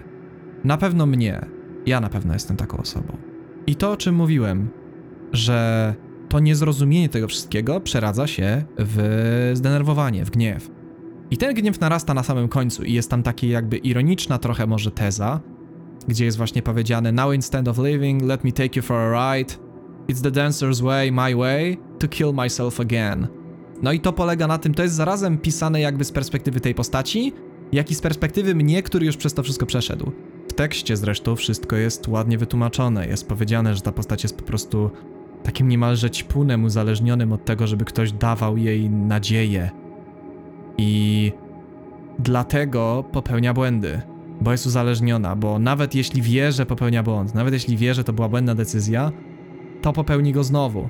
No i znowu mogę się z tym utożsamić, bo byłem w sytuacji, gdzie popełniłem jeden błąd. Nie rozumiałem tego, że mam takie niestabilności i tak, popełniłem go znowu. I tak naprawdę dopiero wtedy do mnie dotarło. Dopiero wtedy do mnie dotarło, co jest serio ze mną nie tak i dlaczego robię dane rzeczy. Wracając jednak do utworu, E, tutaj przechodzimy do kolejnego i tutaj ta frustracja wreszcie jakby wydostaje się na zewnątrz, wraz z pierwszymi słowami It's Unleashed. I mowa tu oczywiście o Recreate Me. Może to się wydać trochę rujnujące klimat, ale miałem naprawdę niesamowity fan pisząc ten numer. Strasznie fajnie pisało mi się takie bardzo ciężkie, takie nieprzyjemne riffy. Właśnie to był chyba taki, to była taka kwintesencja tej zmiany we mnie, że chciałem zrobić coś bardzo nasty. No i ten utwór dosłownie taki cały czas jest. Jest bardzo, bardzo dużo nieprzyjemnych riffów, bardzo dużo nieprzyjemnych melodii, dziwnych modulacji. Um, zwrotki są takie bardzo bezlitosne, taka gojirka wręcz trochę. E, refreny i main motyw to taki frasz, ale taki wolny. Trochę powrót do tego, co lubiłem w dzieciństwie, bo byłem całkiem sporym fanem właśnie takiego fraszu i zwłaszcza takiego wolnego. Ale też po prostu jest dużo zmian i wszystko następuje w bardzo takim bezlitosnym tempie które często nie wynika z motywów, tylko po prostu z tego, że co chwila coś się zmienia. I ciężko trochę przez to za tym nadążyć. Natomiast wydaje mi się, że dalej jest to dosyć spójne. Wydaje mi się, że udało mi się dosyć spójną rzecz osiągnąć. Pewnie głównie dlatego, że pisałem to na podstawie starego heavy metalowego numeru, które po prostu totalnie wynaturzyłem i zachowałem z niego może dwa motywy czy coś takiego. Znowu są też takie inspiracje ewidentne Contortionist na tym pierwszym bridge'u, na drugim bridge'u jest z kolei ewidentna meszuga i nawiązanie jakby do takich rzeczy w stylu Bleed czy coś takiego. Jest też taka ewidentna inspiracja Offer Your Light Devina, tam gdzie kończy się jakby, gdzie zaczyna się tuż przed zacznięciem kody jakby, czyli tego, jeśli to w ogóle można nazwać kodą. E, ale tak, tam gdzie jest e, e, ta sekcja taka ambientowa i cicha, to zanim ona wejdzie jest taka ewidentne coś, co bardzo chciałem, żeby nawiązywało do Offer Your Light. Z tym takim właśnie też relentless tempem i takim kompletnie wytrąceniem z poprzedniej dynamiki i z tego ciężaru. No i ta, tak jak mówiłem, cicha część z kolei to będzie taka pewnie inspiracja, czy to Seractem, czy to Periphery trochę, tych Absolombem na przykład. Generalnie jest to jeden z trzech najbardziej rozbudowanych utworów na tej płycie. Jakby pierwszym byłby Dancer w tym przypadku, drugim właśnie Recreate, trzecim byłoby Unstable. Te trzy utwory są takie najbardziej strukturalnie absurdalne, mają najwięcej motywów, najwięcej dziwnych zmian. I myślę, że Recreate w tym wszystkim spośród tych trzech numerów jest najbardziej taki bezlitosny i dynamiczny. Zmiany następują bardzo często i w bardzo czasami krótkich frazach. Dalej to pewnie nie jest poziom, który osiągają niektóre kapele instrumentalne robiące taki modern prog, ale w ich przypadku jest już problem mówienia na to utwory. Dla mnie to są często zlepki riffów po prostu. Jeśli chodzi natomiast o historię, jest to jeden z bardziej kluczowych numerów. I jest on takim zwolnieniem hamulców. Deeper tak naprawdę był intrem do niego. Cały Deeper to jest intro, przedstawienie bardzo ważnych rzeczy historii, ale jest to nadal tylko intro do takiego prawdziwego wybuchu frustracji, wyrzucenia złości, ale też takiej frustracji na taką niesprawiedliwość i oczywiście silnego wyparcia, bo jak już wcześniej mówiłem, postać jest sama sobie winna ale bardzo nie chcę tego przyjąć do wiadomości. W tym utworze tak naprawdę całkowicie zasłania się tym gniewem. Nie do końca świadomie, ale tak, robi to. I dopiero jakby na samym końcu postać po tej całej frustracji, po tym wszystkim, co przechodzi wewnątrz, takim po prostu ogniu, który trawi ją wręcz od wewnątrz, to następuje jakby natrafienie na taką ścianę takie zrozumienie, że w całej tej frustracji, w całym tym krzyczeniu, czy to na jakieś wyobrażenie Boga, czy coś innego, nikt nie odpowie, czas nie cofnie się i nic się nie zmieni. I tak naprawdę tym jest ten utwór. Ten utwór jest takim kotłem emocji, który natrafia na taką bezwzględną, bezlitosną ścianę, która nie odpowiada niczym i po skonfrontowaniu się z tym i po wyzwoleniu całej tej złości przechodzimy do kolejnego utworu, który jest jakby takim sprzężeniem zwrotnym tego, co stworzył Deeper i Recreate, ale też trochę Dancer. I to jest e, Stay. Jeśli chodzi znowu o muzykę, to jest to dosyć stary utwór, który napisałem kiedyś tak po prostu nie pamiętam do końca genezy, jak to wyszło. Nie pamiętam, żebym ja miał wtedy jakiś konkretny powód. Pamiętam, że jak byłem młodszy, to po prostu odczuwałem czasami taką. taką melancholię związaną z różnymi rzeczami. Myślę, że wśród młodych ludzi, nie wiem czy to jest częste, ciężko mi powiedzieć, ale ja tak miałem. Ja miałem faktycznie takie skłonności takich melancholicznych zachowań, e, które nie miały często jakiejś konkretnej przyczyny. E, były raczej taki po prostu. One po prostu były, po prostu występowały. Ja lubiłem tą postawę. Wydaje mi się, że miałem skłonność do romantyzowania takiej postawy. Trochę nie rozumiejąc, co się za nią kryje. I dlatego ten utwór tak naprawdę leżał długi czas odłogiem między innymi, bo no wtedy nie wiedziałem jak go użyć. Chciałem go gdzieś użyć, ale nie było gdzie, nie było z kim go nagrać. Dużo rzeczy się na to złożyło poza tym, co wspomniałem. I teraz na tym albumie On początkowo nie miał na nim być. On w pewnym momencie, ja tak poczułem, że on by tutaj pasował, że wreszcie znalazłem miejsce, gdzie można by go wreszcie użyć. No i jest to też kolejny singiel, który wszyscy, którzy byli zainteresowani płytą, pewnie zdążyli usłyszeć już. Więc nie będę się na tym dużo rozwodził. Też się nadawał na singla, choć może to być kontrintuicyjne w przypadku tego, kiedy próbujemy metalową płytę, raczej metalową, e, zachęcić słuchaczy. No i muzycy metalowi nie najlepiej się dogadują z takimi, zwłaszcza zbliżonymi do popu kompozycjami, a z tej jest dosyć mocno popowe i takie. No, no, no mało tego metalu tutaj jest, nie? Myślę, że raczej mogło być to spore rozczarowanie, zwłaszcza po Deeperze. Eee, nie wiem, bo no, tak jak mówiłem, nagrywam ten podcast dopiero po tym, jak wyszedł Deeper. A Stay dopiero wyjdzie za dwa dni. Dla mnie. Muzycznie nie ma chyba wiele do powiedzenia, jest bardzo taki atmosferyczny. Bardzo prosty, bardzo fajnie się robiło do niego perkę z Ardianem, bo przez to, że to jest taki prosty numer, to dawał trochę takiego subtelnego pola do popisu. Dużo subtelnych rzeczy w nim jest.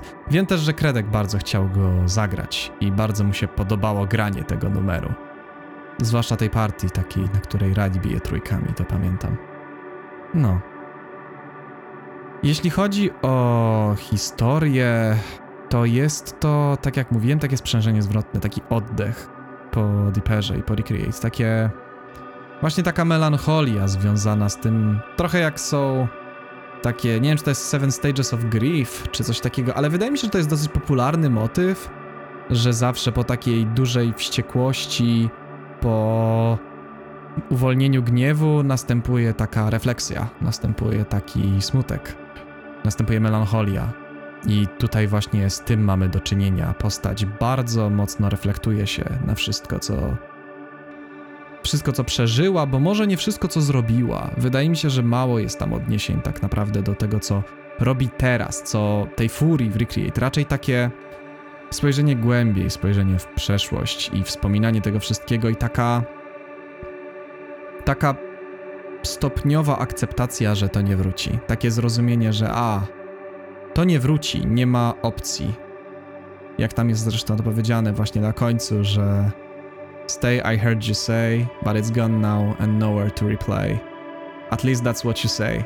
Też jest taki jakby z takim zgorzknieniem, z takim poczuciem, że postać chciała, ale no wie, że to nie zadziała, wie, że to nie jest zależne od niej. Zaczyna rozumieć to, że wiele rzeczy nie zależy od niej. I po tym wszystkim przechodzimy do Hatred. I muzycznie to jest najcięższy numer z płyty. To bezkompromisowo w ogóle. I jeśli chodzi o powstanie, to chyba tak jak mówiłem wcześniej, powstał przypadkiem. Ja próbowałem rozwinąć inny utwór, stary utwór Eternawki. I on jakby zaczął tak bardzo być standalone, że zrozumiałem, że on musi być w ten sposób. Um, tak naprawdę większość osób pewnie już zdążyła zauważyć, że jest to taki całkiem solidny rip-off Rational Gaze Meshugi.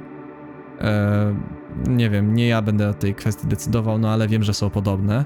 Są takie dwa wyraźne nawiązania do Dancera i to jest w tej sekcji solowej, gdzie jest to w Dancerze jest też takie turut, turut, turut, turut, No to tutaj jest dokładnie to samo, jest ten sam pattern rytmiczny. E, I tak samo jest nawiąza nawiązanie też do tej melodii, która brzmi w sumie jak ten, jak się posłucha, to ona brzmi trochę jak Aces High, Iron Maiden bez to. No to jest nawiązanie do niej, tylko jest dekonstrukcja tej melodii, jest takie kompletne niszczenie wszystkiego, co zostało wcześniej stworzone. I ma to jakby sens też w kontekście e, historii, do której niedługo przejdę. Jeszcze jeden komentarz propos muzyki to, że wydaje mi się, że tutaj największą robotę, tak szczerze, zrobiły e, dziewczyny, e, w sensie chórzystki, te, które miałem, Adela, Julia i Ludmiła. E, tutaj naprawdę te chóry robią, przynajmniej na mnie, jak słucham tego utworu i jak słuchałem go w trakcie miksu z Konradem, to robiło na mnie piorunujące wrażenie, jak dobrze te chóry siedzą, zwłaszcza z tym screamem pod spodem. I jest takie poczucie kontrastu, jest takie poczucie silnego kontrastu i takiego monumentalnego poczucia tego utworu, połączonego z czymś tak lekkim i eterycznym, co też jest takie dziwne trochę. i zdaje się delikatnie nie pasować, ale w tym utworze robi to robotę, jak widać. I jeśli chodzi o Hatred, to tak jak Deeper czy Recreate, były takie bardzo zapalone, bardzo takie właśnie ogień, e, furia, gniew, właśnie związany z ogniem. Tutaj mamy do czynienia. Tutaj jest zimno, jest takie, przynajmniej ja mam takie uczucie, że utwór jest zimny, jest pełen takiej zimnej nienawiści, zgorzknienia, bardzo takich nieprzyjemnych emocji, w bardzo nieoczywisty sposób. Wydaje mi się, że większość ludzi, jak myśli o nienawiści, to właśnie myśli o takim bardzo płonącym uczuciu związanym właśnie z frustracją, gniewem. Tutaj jest w ten sposób, jest zimno, jest nieprzyjemnie, jest takie potężne zgorzknienie, poczucie takie poczucie tym razem nie wyparcia swojej winy, ale poczucie wyparcia samego siebie. Poczucie takiego trochę takiego, że postać jest jakby już. Postać już czuje się martwa. I tak naprawdę jest jej obojętne, czy będzie żyć, czy nie. Trochę tak, trochę do czegoś takiego w pewnym momencie ten utwór zmierza. Taka bardzo ponura akceptacja. I zmienia się to, bo też Hatred jest, nie bez powodu wspominałem wcześniej, chyba jednym z najważniejszych utworów na płycie bo to jest wreszcie punkt zwrotny. Po Denserze, który był najpierw takim determinacją, ale bardzo taką self-centered, bardzo taką narcystyczną, nakierowaną na to, że e, do dro po drodze, droga po trupach do celu. Potem jest Deeper Recreate, wołanie o taką niesprawiedliwość wobec siebie, furia o to, że się zostało źle osądzonym i źle stworzonym. I Hatred, który najpierw pogrąża się w zimnej nienawiści do samego siebie, a potem w tym takim spiralnym zatracaniu w końcu wychodzi na wierzch jakaś taka pojedyncza iskierka, nie wiem, jakiejś nadziei, jakiegoś takiego poczucia. Nie, nie, nie, czekaj. Czekaj, czekaj, to się da naprawić. Ja to muszę naprawić. Takie coś, co nie wiem, czy to siedzi w każdym człowieku, nie, nie umiem tego powiedzieć, ale no ja miałem taki moment w swoim życiu. Miałem takie poczucie, nie, nie, nie, czekaj, nie mogę tego tak zostawić. Nie, nie mogę tak skończyć. I guess jest to naj... może jest to po prostu przejaw zdrowej psychiki, nie wiem. W każdym razie jest to moment, gdzie postać dokonuje takiej pierwszej dobrej decyzji w swoim życiu i w historii tego albumu. Stwierdza, że dobra, wyrwę się z tego, naprawię to, i adekwatnie do tego w podkładzie jest taki bardzo tesseraktowy sposób grania, który mi się właśnie kojarzy często z takimi intensywnymi emocjami, z takim redemption wręcz. Wydaje mi się, że właśnie takie melodie świetnie się do tego nadają, zwłaszcza przy takim użyciu dźwięków. I tutaj przechodzimy do, cóż, tytułowego utworu tego albumu, Unstable. Jeśli chodzi o muzykę, bo będę tak, no wiadomo, przy każdym utworze robimy taką strukturę. Jest to bardzo dziwny. Jest to chyba najbardziej eksperymentalny numer na płycie. Pamiętam, że jak pokazałem Ardianowi, ile jest zmian metrum in tempa, e, jak robiliśmy bębny, to on po prostu zaczął się śmiać, że to jest bez sensu, że jakby nie mogłem tego, jego zdaniem chyba nawet tak powiedział, że nie mogłem tego więcej nasrać już po prostu, nie dało się.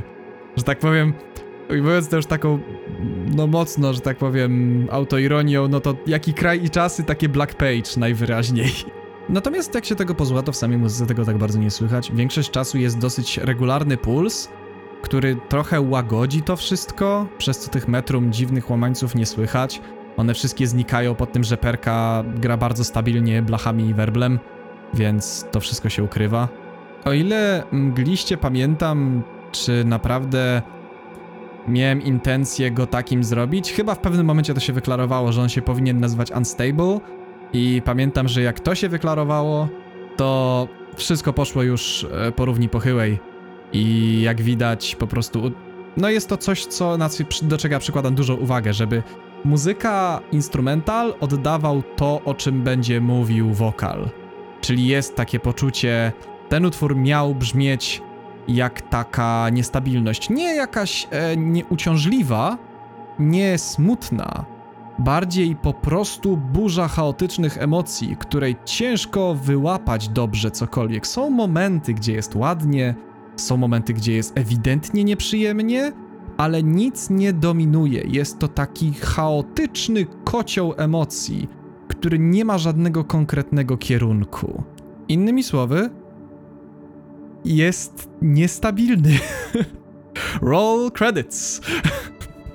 No i też po prostu w głównym motywie skala zmieniająca się co takt jest śmieszna i bardzo chciałem zrobić, pamiętam wtedy e, motyw, w którym co takt zmieniałaby się skala e, i to by było bardzo zabawne, więc tak, e, brawo ja, zrobiłem to. Natomiast poza takimi już bardzo bezsensownym bawieniem się harmonicznie, no to tak, dalej chciałem, żeby to brzmiało jak utwór, więc oczywiście są jakby bardzo takie mocne, stanowcze refreny w tym wszystkim, tłumaczące jakby całą sytuację. Jest taka tesseraktowa wstawka w jednym miejscu, oczywiście, jak zwykle. Musiałem zawrzeć wszystkie swoje inspiracje, więc dosłownie miałem takie bingo i gdzie co zawrzeć i jak. No i Van Stable padło akurat na Tesseract. E, no i takie solo, takie trochę ala Plini, tylko że bardzo, bardzo biedny Plini, bo gra, nie wiem, jeden dźwięk przez minutę czy coś takiego. Więc e, tak, ale jest, więc jakby... Jest to taka moja próba. Tak samo wcześniej jest też moja próba robienia takiego mie- mieszania Tordendala z takim Devinem może wręcz. E, no, wyszło jak wyszło. Ciężko mi ocenić. Jeśli chodzi o historię natomiast, to można powiedzieć, że jest to pierwszy krok w dobrym kierunku. Jest to zresztą bardzo otwarcie mówione przez cały twór. Tak, postać jest niestabilna jak cholera i tak, e, nie wyjdzie z tego prędko, bo to nie jest tak, że rozumiesz, że popełniłeś błędy i nie wiem, rozumiesz, że e, twoja psychika nie działa najlepiej, to, to nie od razu będziesz działał dobrze. To zajmuje czas i to wymaga sporo pracy. I postać jakby właśnie tutaj podejmuje ten pierwszy krok. Stwierdza właśnie, jest to mówione przecież w refrenach dokładnie, że e, I'm unstable, but it's perfectly alright, czyli jakby postać wreszcie akceptuje to, jaka jest. I rozumie, że od tego momentu może pójść dalej ze wszystkim. No i to jest dużo. To jest wbrew pozorom jeden z ważniejszych kroków, który wydaje mi się, że często jest albo zaniedbywany, albo jest jakby traktowany z takim, a to przecież to drobnostka, nie? Że o, przecież to jest najłatwiejsze. Może. Wydaje mi się, że dla wielu osób wbrew pozorom właśnie najtrudniejsze jest zrozumieć, w jakim stanie się jest. Powiedziałbym, że pierwszy krok do stabilności to zaakceptowanie niestabilności, no. I na tym to zostawię. I tu wchodzi Sober. Sober Soul.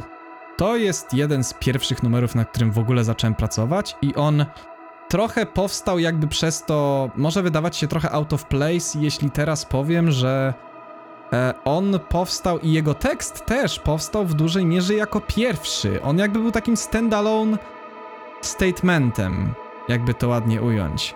Muzycznie to było przerobienie jednego starego utworu, który kompletnie nie umiałem go osadzić w tej nowej odsłonie, więc musiałem sporo zmienić. Jest też najbardziej przez to heavy metalowy, ma najwięcej takiego ewidentnie power metalowych, za, znaczy nie power metalowych, heavy metalowych zabiegów. Czy ja powiedziałem wcześniej power metal? Jeśli tak, to niedobrze.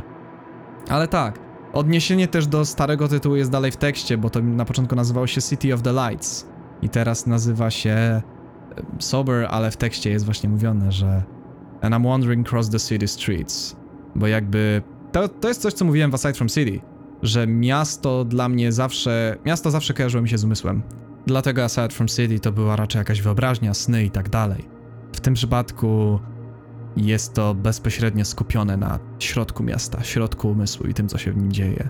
Generalnie tutaj nie było aż tak dużo eksperymentów, raczej taka dosyć prosta konwencja. Jeden motyw, który powstał tak e, i został bardzo zmieniony też przez to, że zagrałem go na ósemce, to jest ten taki nasty motyw w środku utworu. To jest jedyna taka partia, gdzie jest taki nawrót tego, co było. No i nawrót w tym przypadku Deepera, więc bardzo fajnie właśnie. Historia dzięki temu się chociaż trochę klei, no nie? Też muzycznie. Ten utwór też ma jedne z najstarszych wokali. Pamiętam, że one były chyba jako pierwsze w ogóle nagrywane.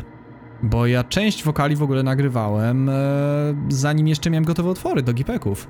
I właśnie w przypadku Sobera nagrywałem do GPK, w przypadku Dancera niektóre nagrywałem do GPK i do Recreata, to pamiętam. Te właśnie trzy miały wokale, trochę wokali miał ich nagranych wcześniej. Co prawda potem musiałem sporo przerobić albo poprawić, ale no.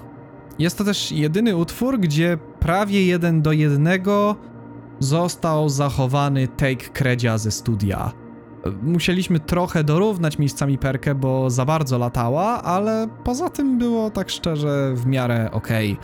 I tak naprawdę po przełożeniu tego na sample, poprawieniu velocity, e, zniwelowaniu tego, że było to nagrane po prostu słabymi mikrofonami w średnim pomieszczeniu, no to poza tym absolutnie szczerze wyszło naprawdę ok. No i możemy wreszcie przejść do chyba tutaj dużo ważniejsze od muzyki będzie historia. Tak jak mówiłem, ten utwór był standalone statementem. I dopiero potem stworzenie albumu tak naprawdę dało mu serio kontekst i sprawiło, że przestał być singielkiem i jakimś pojedynczym stwierdzeniem, a teraz jestem wolny od tego wszystkiego. No bo okej, okay, fajnie, że to postać mówi, no nie? I fajnie, że jest to dosyć ogólnikowo powiedziane. Szkoda, że nie jest powiedziane, czym jest to wszystko. Czy czym jest y, to, od czego postać się uwolniła. Tego trochę brakowało w tym utworze. Tak naprawdę ten utwór bez kontekstu jest mocno średni, niestety. Dopiero kontekst całej płyty nadaje mu serio impact, jaki on ma. No i przez to, że ten utwór jest pierwszy, również z niego wzięło się wiele fraz, które są potem powtarzane. Znowu ten taki backwriting. Czyli tak naprawdę w nim na przykład pojawiła się fraza właśnie to second thought, second guess, second love, second death, która się powtarza w hatred, powtarza się w unstable i następuje również tutaj, bo jest po prostu to jest takie nieodłączne hasło tego albumu między innymi, jedno z takich ważniejszych zresztą. A stricte tekstowo jest to po prostu taka klamra albumu. Jest to właśnie zmierzenie się z przeszłością, i pewnymi asumpcjami w jej kierunku. Czyli takie zrozumienie, że e, wyobrażenie, że to człowiek jakby utracił tą niewinność po drodze, jest błędne, bo tak naprawdę wewnątrz od początku jej nie miał. Pewne tendencje siedzą w człowieku i po prostu czekają na to, żeby wyjść. Czyli wychodzi na to, że tak naprawdę to od zawsze było tam i właśnie postać to rozumie. Jest o tym również linijka w tekście, oczywiście. E, jest tu jakby mowa sober soul. Dusza tak naprawdę jest tą trzeźwą w cudzysłowie, bo przestaje wierzyć w takie kłamstwa, którymi się karmiła przez swoją jakąś narcystyczną świadomość, czy przez jakieś takie myślenie bardzo takie, no właśnie chyba przyczynowo-skutkowe, e, czyli że zrobiłem coś złego, a więc jestem zły. Nie, nie, nie, nie, nie. Jest tak, że tak, zrobiłeś coś złego, ale to znaczy, że to w tobie się działo to znaczy, że to w tobie było. I to znaczy, że to wymagało pracy już wcześniej. To nie jest tak, że to od nagle się pojawiło i wymaga pracy. Nie, nie, nie. To, że coś się pojawia, znaczy tylko, że e, to zawsze było i dopiero teraz to zauważyłeś. Mam wrażenie, że często. Może nie wiem jak inni, ale ja na pewno bardzo długo trwałem w głupim przekonaniu tego typu. No i żałuję. I dlatego powstał ten album, by the way. znaczy, z powodu tego, że po pierwsze żałowałem i po drugie chciałem to jakby wreszcie jakoś ująć i samemu ze sobą naprawić i przedyskutować. I tak naprawdę na Soberze kończy się główny wątek historii. Tak naprawdę tutaj zostaje zamknięte, no bo główny temat zostaje rozpracowany. Postać już wie, z czym się musi zmierzyć, żeby dojść ze sobą samą do konsensusu w przyszłości i nad czym pracować. No i w związku z tym możemy tak naprawdę przejść do następnego numeru, jakim jest w tym przypadku Train Passing By. I ten utwór trochę powstał na ostatnią chwilę. Tak naprawdę brakowało mi czegoś, co pozwoliłoby trochę takiemu klimaksowi Sobera wytracić to napięcie, które on zbudował. Zwłaszcza, że następnym utworem jest e, Love, który jest bardzo taki delikatny na początku i przydałoby mu się trochę takiej ciszy przed, a nie tak potężny utwór zaraz tuż przed nim. To się wydaje dla mnie strasznie kontrintuicyjne. Więc tak, posklejałem przypadkowe fragmenty gitar z Sobera i utopiłem je po prostu w, rever w reverbie. Nałożyłem na to jakiś taki właśnie processing z tym związany. Początkowo to mi dało kompletnie inny rezultat niż na początku chciałem. Ambient nie był delikatny, był taki dosyć intensywny, tak szczerze. E, ale wtedy też zrozumiałem, że brzmi dokładnie tak jak taki pociąg towarowy, który omija stację. A że zdarza mi się raz na jakiś czas pójść na trainspotting, bo bardzo to lubię, to jakby wiem, jakie to emocje budzi we mnie i budzi we mnie właśnie takie poczucie, no, taki pociąg jest potężny, nie? To naprawdę budzi pewien niepokój, budzi taką burzę emocji mimowolną i reakcję na to. Natomiast jest to jakby, jak sobie pomyślisz, to jest to tylko jeden z wielu pociągów, e, które przejadą przez ten peron i pojadą dalej. Zrozumiałem, że jest to świetna metafora właśnie wspomnień i takich przeżyć, bo to wszystko, no to też jakby przychodzi i odchodzi. To też jakby, oczywiście przez pewien czas będzie nas to męczyć i taki pociąg na przykład potrafi być naprawdę długi, ale ostatecznie jak dasz spokój, to odjedzie. Więc tak, postać w tym momencie wreszcie to rozumie. I wreszcie widzi, jak ten pociąg odjeżdża, pozwala mu poniekąd odjechać w swojej głowie.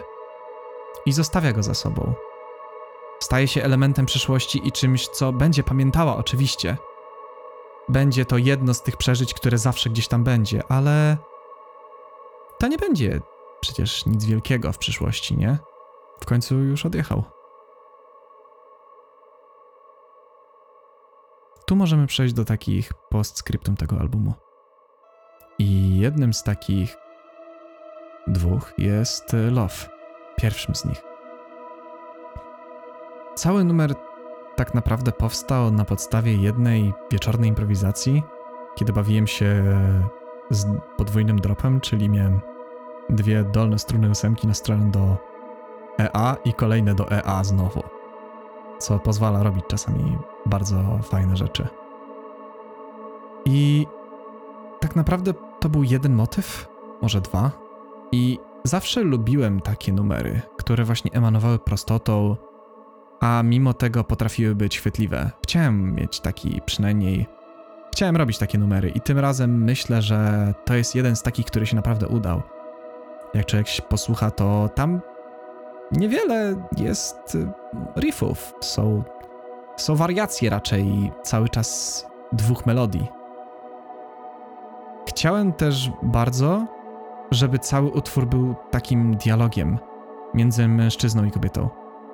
Taką może monetą o dwóch różnych stronach bardziej, bo dialog, no może poniekąd. Tutaj też udało się zrealizować to, że jest bardzo dużo półstrokowej atmosfery i takiego ciepła bijącego od muzyki. No i jak się nie trudno domyślić, tekst również trzyma się tej stylistyki. W przeciwieństwie do reszty płyty, gdzie akceptacja niestabilności była jednym z elementów i potem nastąpiło jakby poszukiwanie powodu, odnalezienie go, pewne wyzwolenie.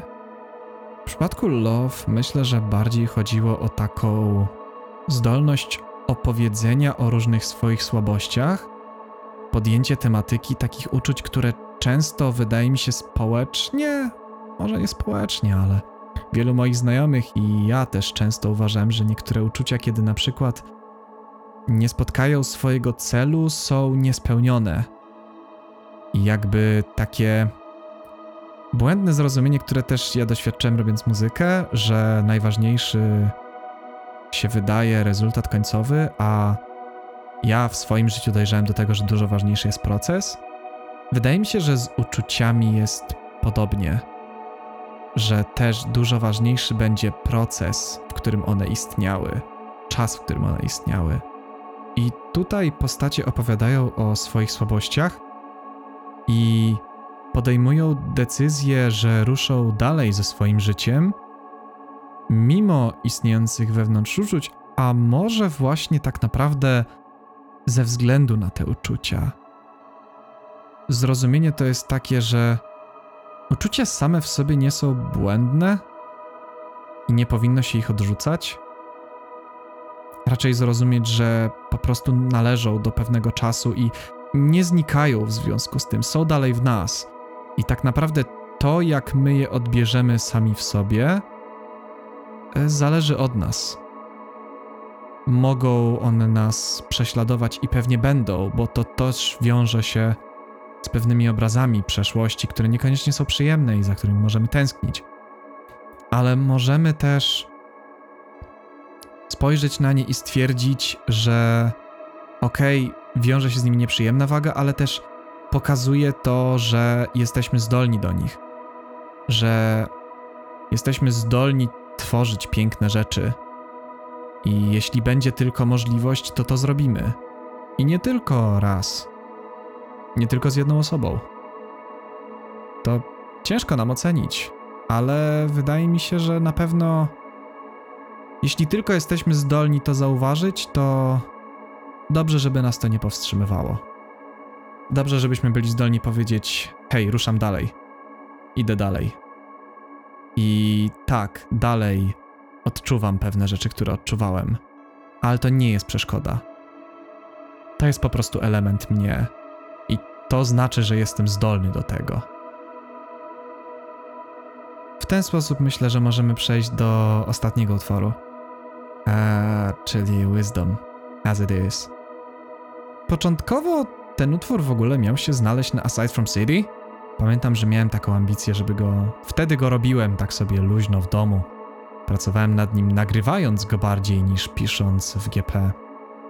Ale no, trochę straciłem werwę do zrobienia go, zwłaszcza, że wtedy jeszcze nie ogarniałem się z samplami. Um, gdy przyszło co do czego, nie potrafiłem wielu rzeczy zrobić, więc. E, no i wtedy to był wysiłek bardziej zespołowy. I muszę przyznać, że dobrą decyzję podjąłem, albo raczej ta dobra decyzja sama się podjęła. Okazało się to być dobrą decyzją, bo teraz Wisdom idealnie wpasował się w obecną płytę. Jako jest takim takim niezobowiązującym, trochę nie na poważnie zamknięciem całości. Od początku chciałem, żeby ten utwór był właśnie taki luźny, akustyczny, Miałem wtedy, pamiętam, ambicję, że zrobię sobie taki utwór właśnie taki brzmiący trochę jak taki ogniskowy, ale nie do końca. Taki z twistem, że tak powiem. Taki, no właśnie na akustykach nagrany. Tak w takiej bardziej atmosferze klinów, bez żadnego darcia mordy, bez żadnego uff, metal i tak dalej. Tylko taki przyjemny. Potem do tra koncepcja się trochę zmieniła i dodałem do tego taki właśnie przesterowany bas w kontraście co też uważam, że śmiesznie wyszło. Wyszła taka... Ten utwór to taka mieszanka, taka trochę, można powiedzieć, że taka żartobliwa i bardzo taka mogąca się wydawać out of place w porównaniu do reszty albumu. I jakby ma zarazem się łączyć z resztą płyty, ale troszkę tak podchodzić do niej z takim yy, look fam, it's not that deep. Jakby trochę mówiący, że tak to okej, okay, ta postać i ta płyta to jest jakaś historia, którą jakaś postać przeszła, ale wiesz, to, to nie jest, to jest tylko jedna z historii, no nie? Że to nie jest koniec świata. I że, no, jakby ta postać bardzo do tego tak wszystkiego podchodzi, że o, nauczyłem się i wiem. I to też jest tak trochę ironizowane, że jakby postać pod koniec przyznaje się, że wie, że wielu rzeczy ona nie rozumie. Wielu, wiele prawd jest dla niej przez to poniekąd i było długi czas poniekąd obcych i do dzisiaj z wieloma uczuciami ta postać, czy też właśnie ja, sobie nie radzi. I mimo, że nauczyłem się wiele na podstawie tych wszystkich rzeczy, to wiadomo, dalej to jest jakby taki. Dalej pewnie wydarzy się coś podobnego i pewnie nie będę wcale mądrzejszy. Przynajmniej na pewno nie jakoś bardzo. Człowiek myśli, że po takiej jednej historii to zmieni się całe życie. No, trochę na pewno, ale nie będzie to aż tak wielkie. Trochę tym jest Wisdom, takim. No, jest podsumowaniem, ale on wie i ja wiem, że niektórych rzeczy nie powinno się traktować zbyt poważnie, no bo bywa różnie w życiu. I instrumentalnie podobnie jest taka właśnie luźna atmosfera, ogniskowa. Eee, swobodny utwór, może bym go tak bardziej nazwał, że jest to bardzo takie może nie żartobliwe, chociaż to na pewno trochę też, może nie jakoś super ironiczne, chociaż na pewno trochę też. Ale na pewno jest to bardzo swobodne podejście do wszystkich tematów na albumie. No i jakby ludzie mogą na ten temat ze mną dyskutować. Natomiast y, jestem poglądu, że solo nakazu Kredzia e, powinno trafić do muzeum i powinno mieć swoje własne miejsce na wystawie i swój własny wpis e, w księgach rekordów Guinnessa za e, jedną z najgłupszych i najbardziej absurdalnych rzeczy w muzyce, jaka kiedykolwiek została zrobiona. E, oczywiście mówię to z pełną powagą i jestem pewien, że wiem, co mówię. No i na sam koniec jeszcze mogę dorzucić, że po prostu przez to, że to jest takie ogniskowe, to sporo skojarzeń z naturą przy tym numerze miałem. Z takim właśnie sielanką, swobodą, ogniskowością. All the good stuff. Rzeczy, których miałem okazję doświadczyć bardzo późno. Takim, takich spotkań i takich, nie wiem, rzeczy właśnie, spędzania w ten sposób czasu z przyjaciółmi. Myślę, że tak naprawdę to zamyka temat albumu. Ostatnią rzeczą mogą być jakieś takie moje synestetyczne skojarzenia, które zawarłem w tym e, wideo na YouTubie, co zbiera cały album, jak i również pełniejsze utwory. E, te kolory są w sumie jak zwykle w moim przypadku dosyć intencjonalne, czyli każdy utwór tak ma swój kolor, chociaż w tym przypadku bardziej grupy utworów mają swoje kolory. Czyli na przykład Dancer i Love są e, w tej podobnej barwie niebieskiego w mojej głowie. E, Stay jest w ciemniejszym niebieskim. Deeper, Recreate i Sober są w czerwonym, a z kolei Hatred i Unstable w żółtym. No i na sam koniec e, Wisdom jako jedyny jest zielony. I skąd ja wziąłem te rzeczy, nie wiem. No, na tym polega chyba synestezja, że to się po prostu trochę samo dzieje. Że człowiek słucha czegoś i ma takie, a to jest to. No, to ja miałem podobnie z tymi numerami. I tak szczerze, to to jest chyba wszystko. Więc y, dziękuję Wam bardzo, komukolwiek, kto wysłuchał. E, jeśli jakimś cudem nie słuchaliście, to trochę głupio, bo zespoilowaliście sobie sporo historii. E, ale jeśli nie słuchaliście, no album jest wszędzie, jak zwykle. Mogę powiedzieć, że jeśli chodzi o moją twórczość, to chyba nigdy nie byłem tak zadowolony z tego, co robiłem. Nie wiem, czy to jest jakaś reklama dla kogokolwiek, raczej taka rzecz, którą ja mówię wam po prostu, bo chcę ją przekazać. Nigdy chyba nie wyszedł mi tak dobrze żaden album, żadna rzecz muzycznie. Więc chyba na tym skończę. Em, dziękuję wszystkim, którzy wysłuchali. I słuchajcie, no. Do następnego razu. Zobaczymy, jak to będzie. Następny album, jeśli zrobię, będzie gotowy pewnie za rok, czy coś takiego. Ciężko powiedzieć.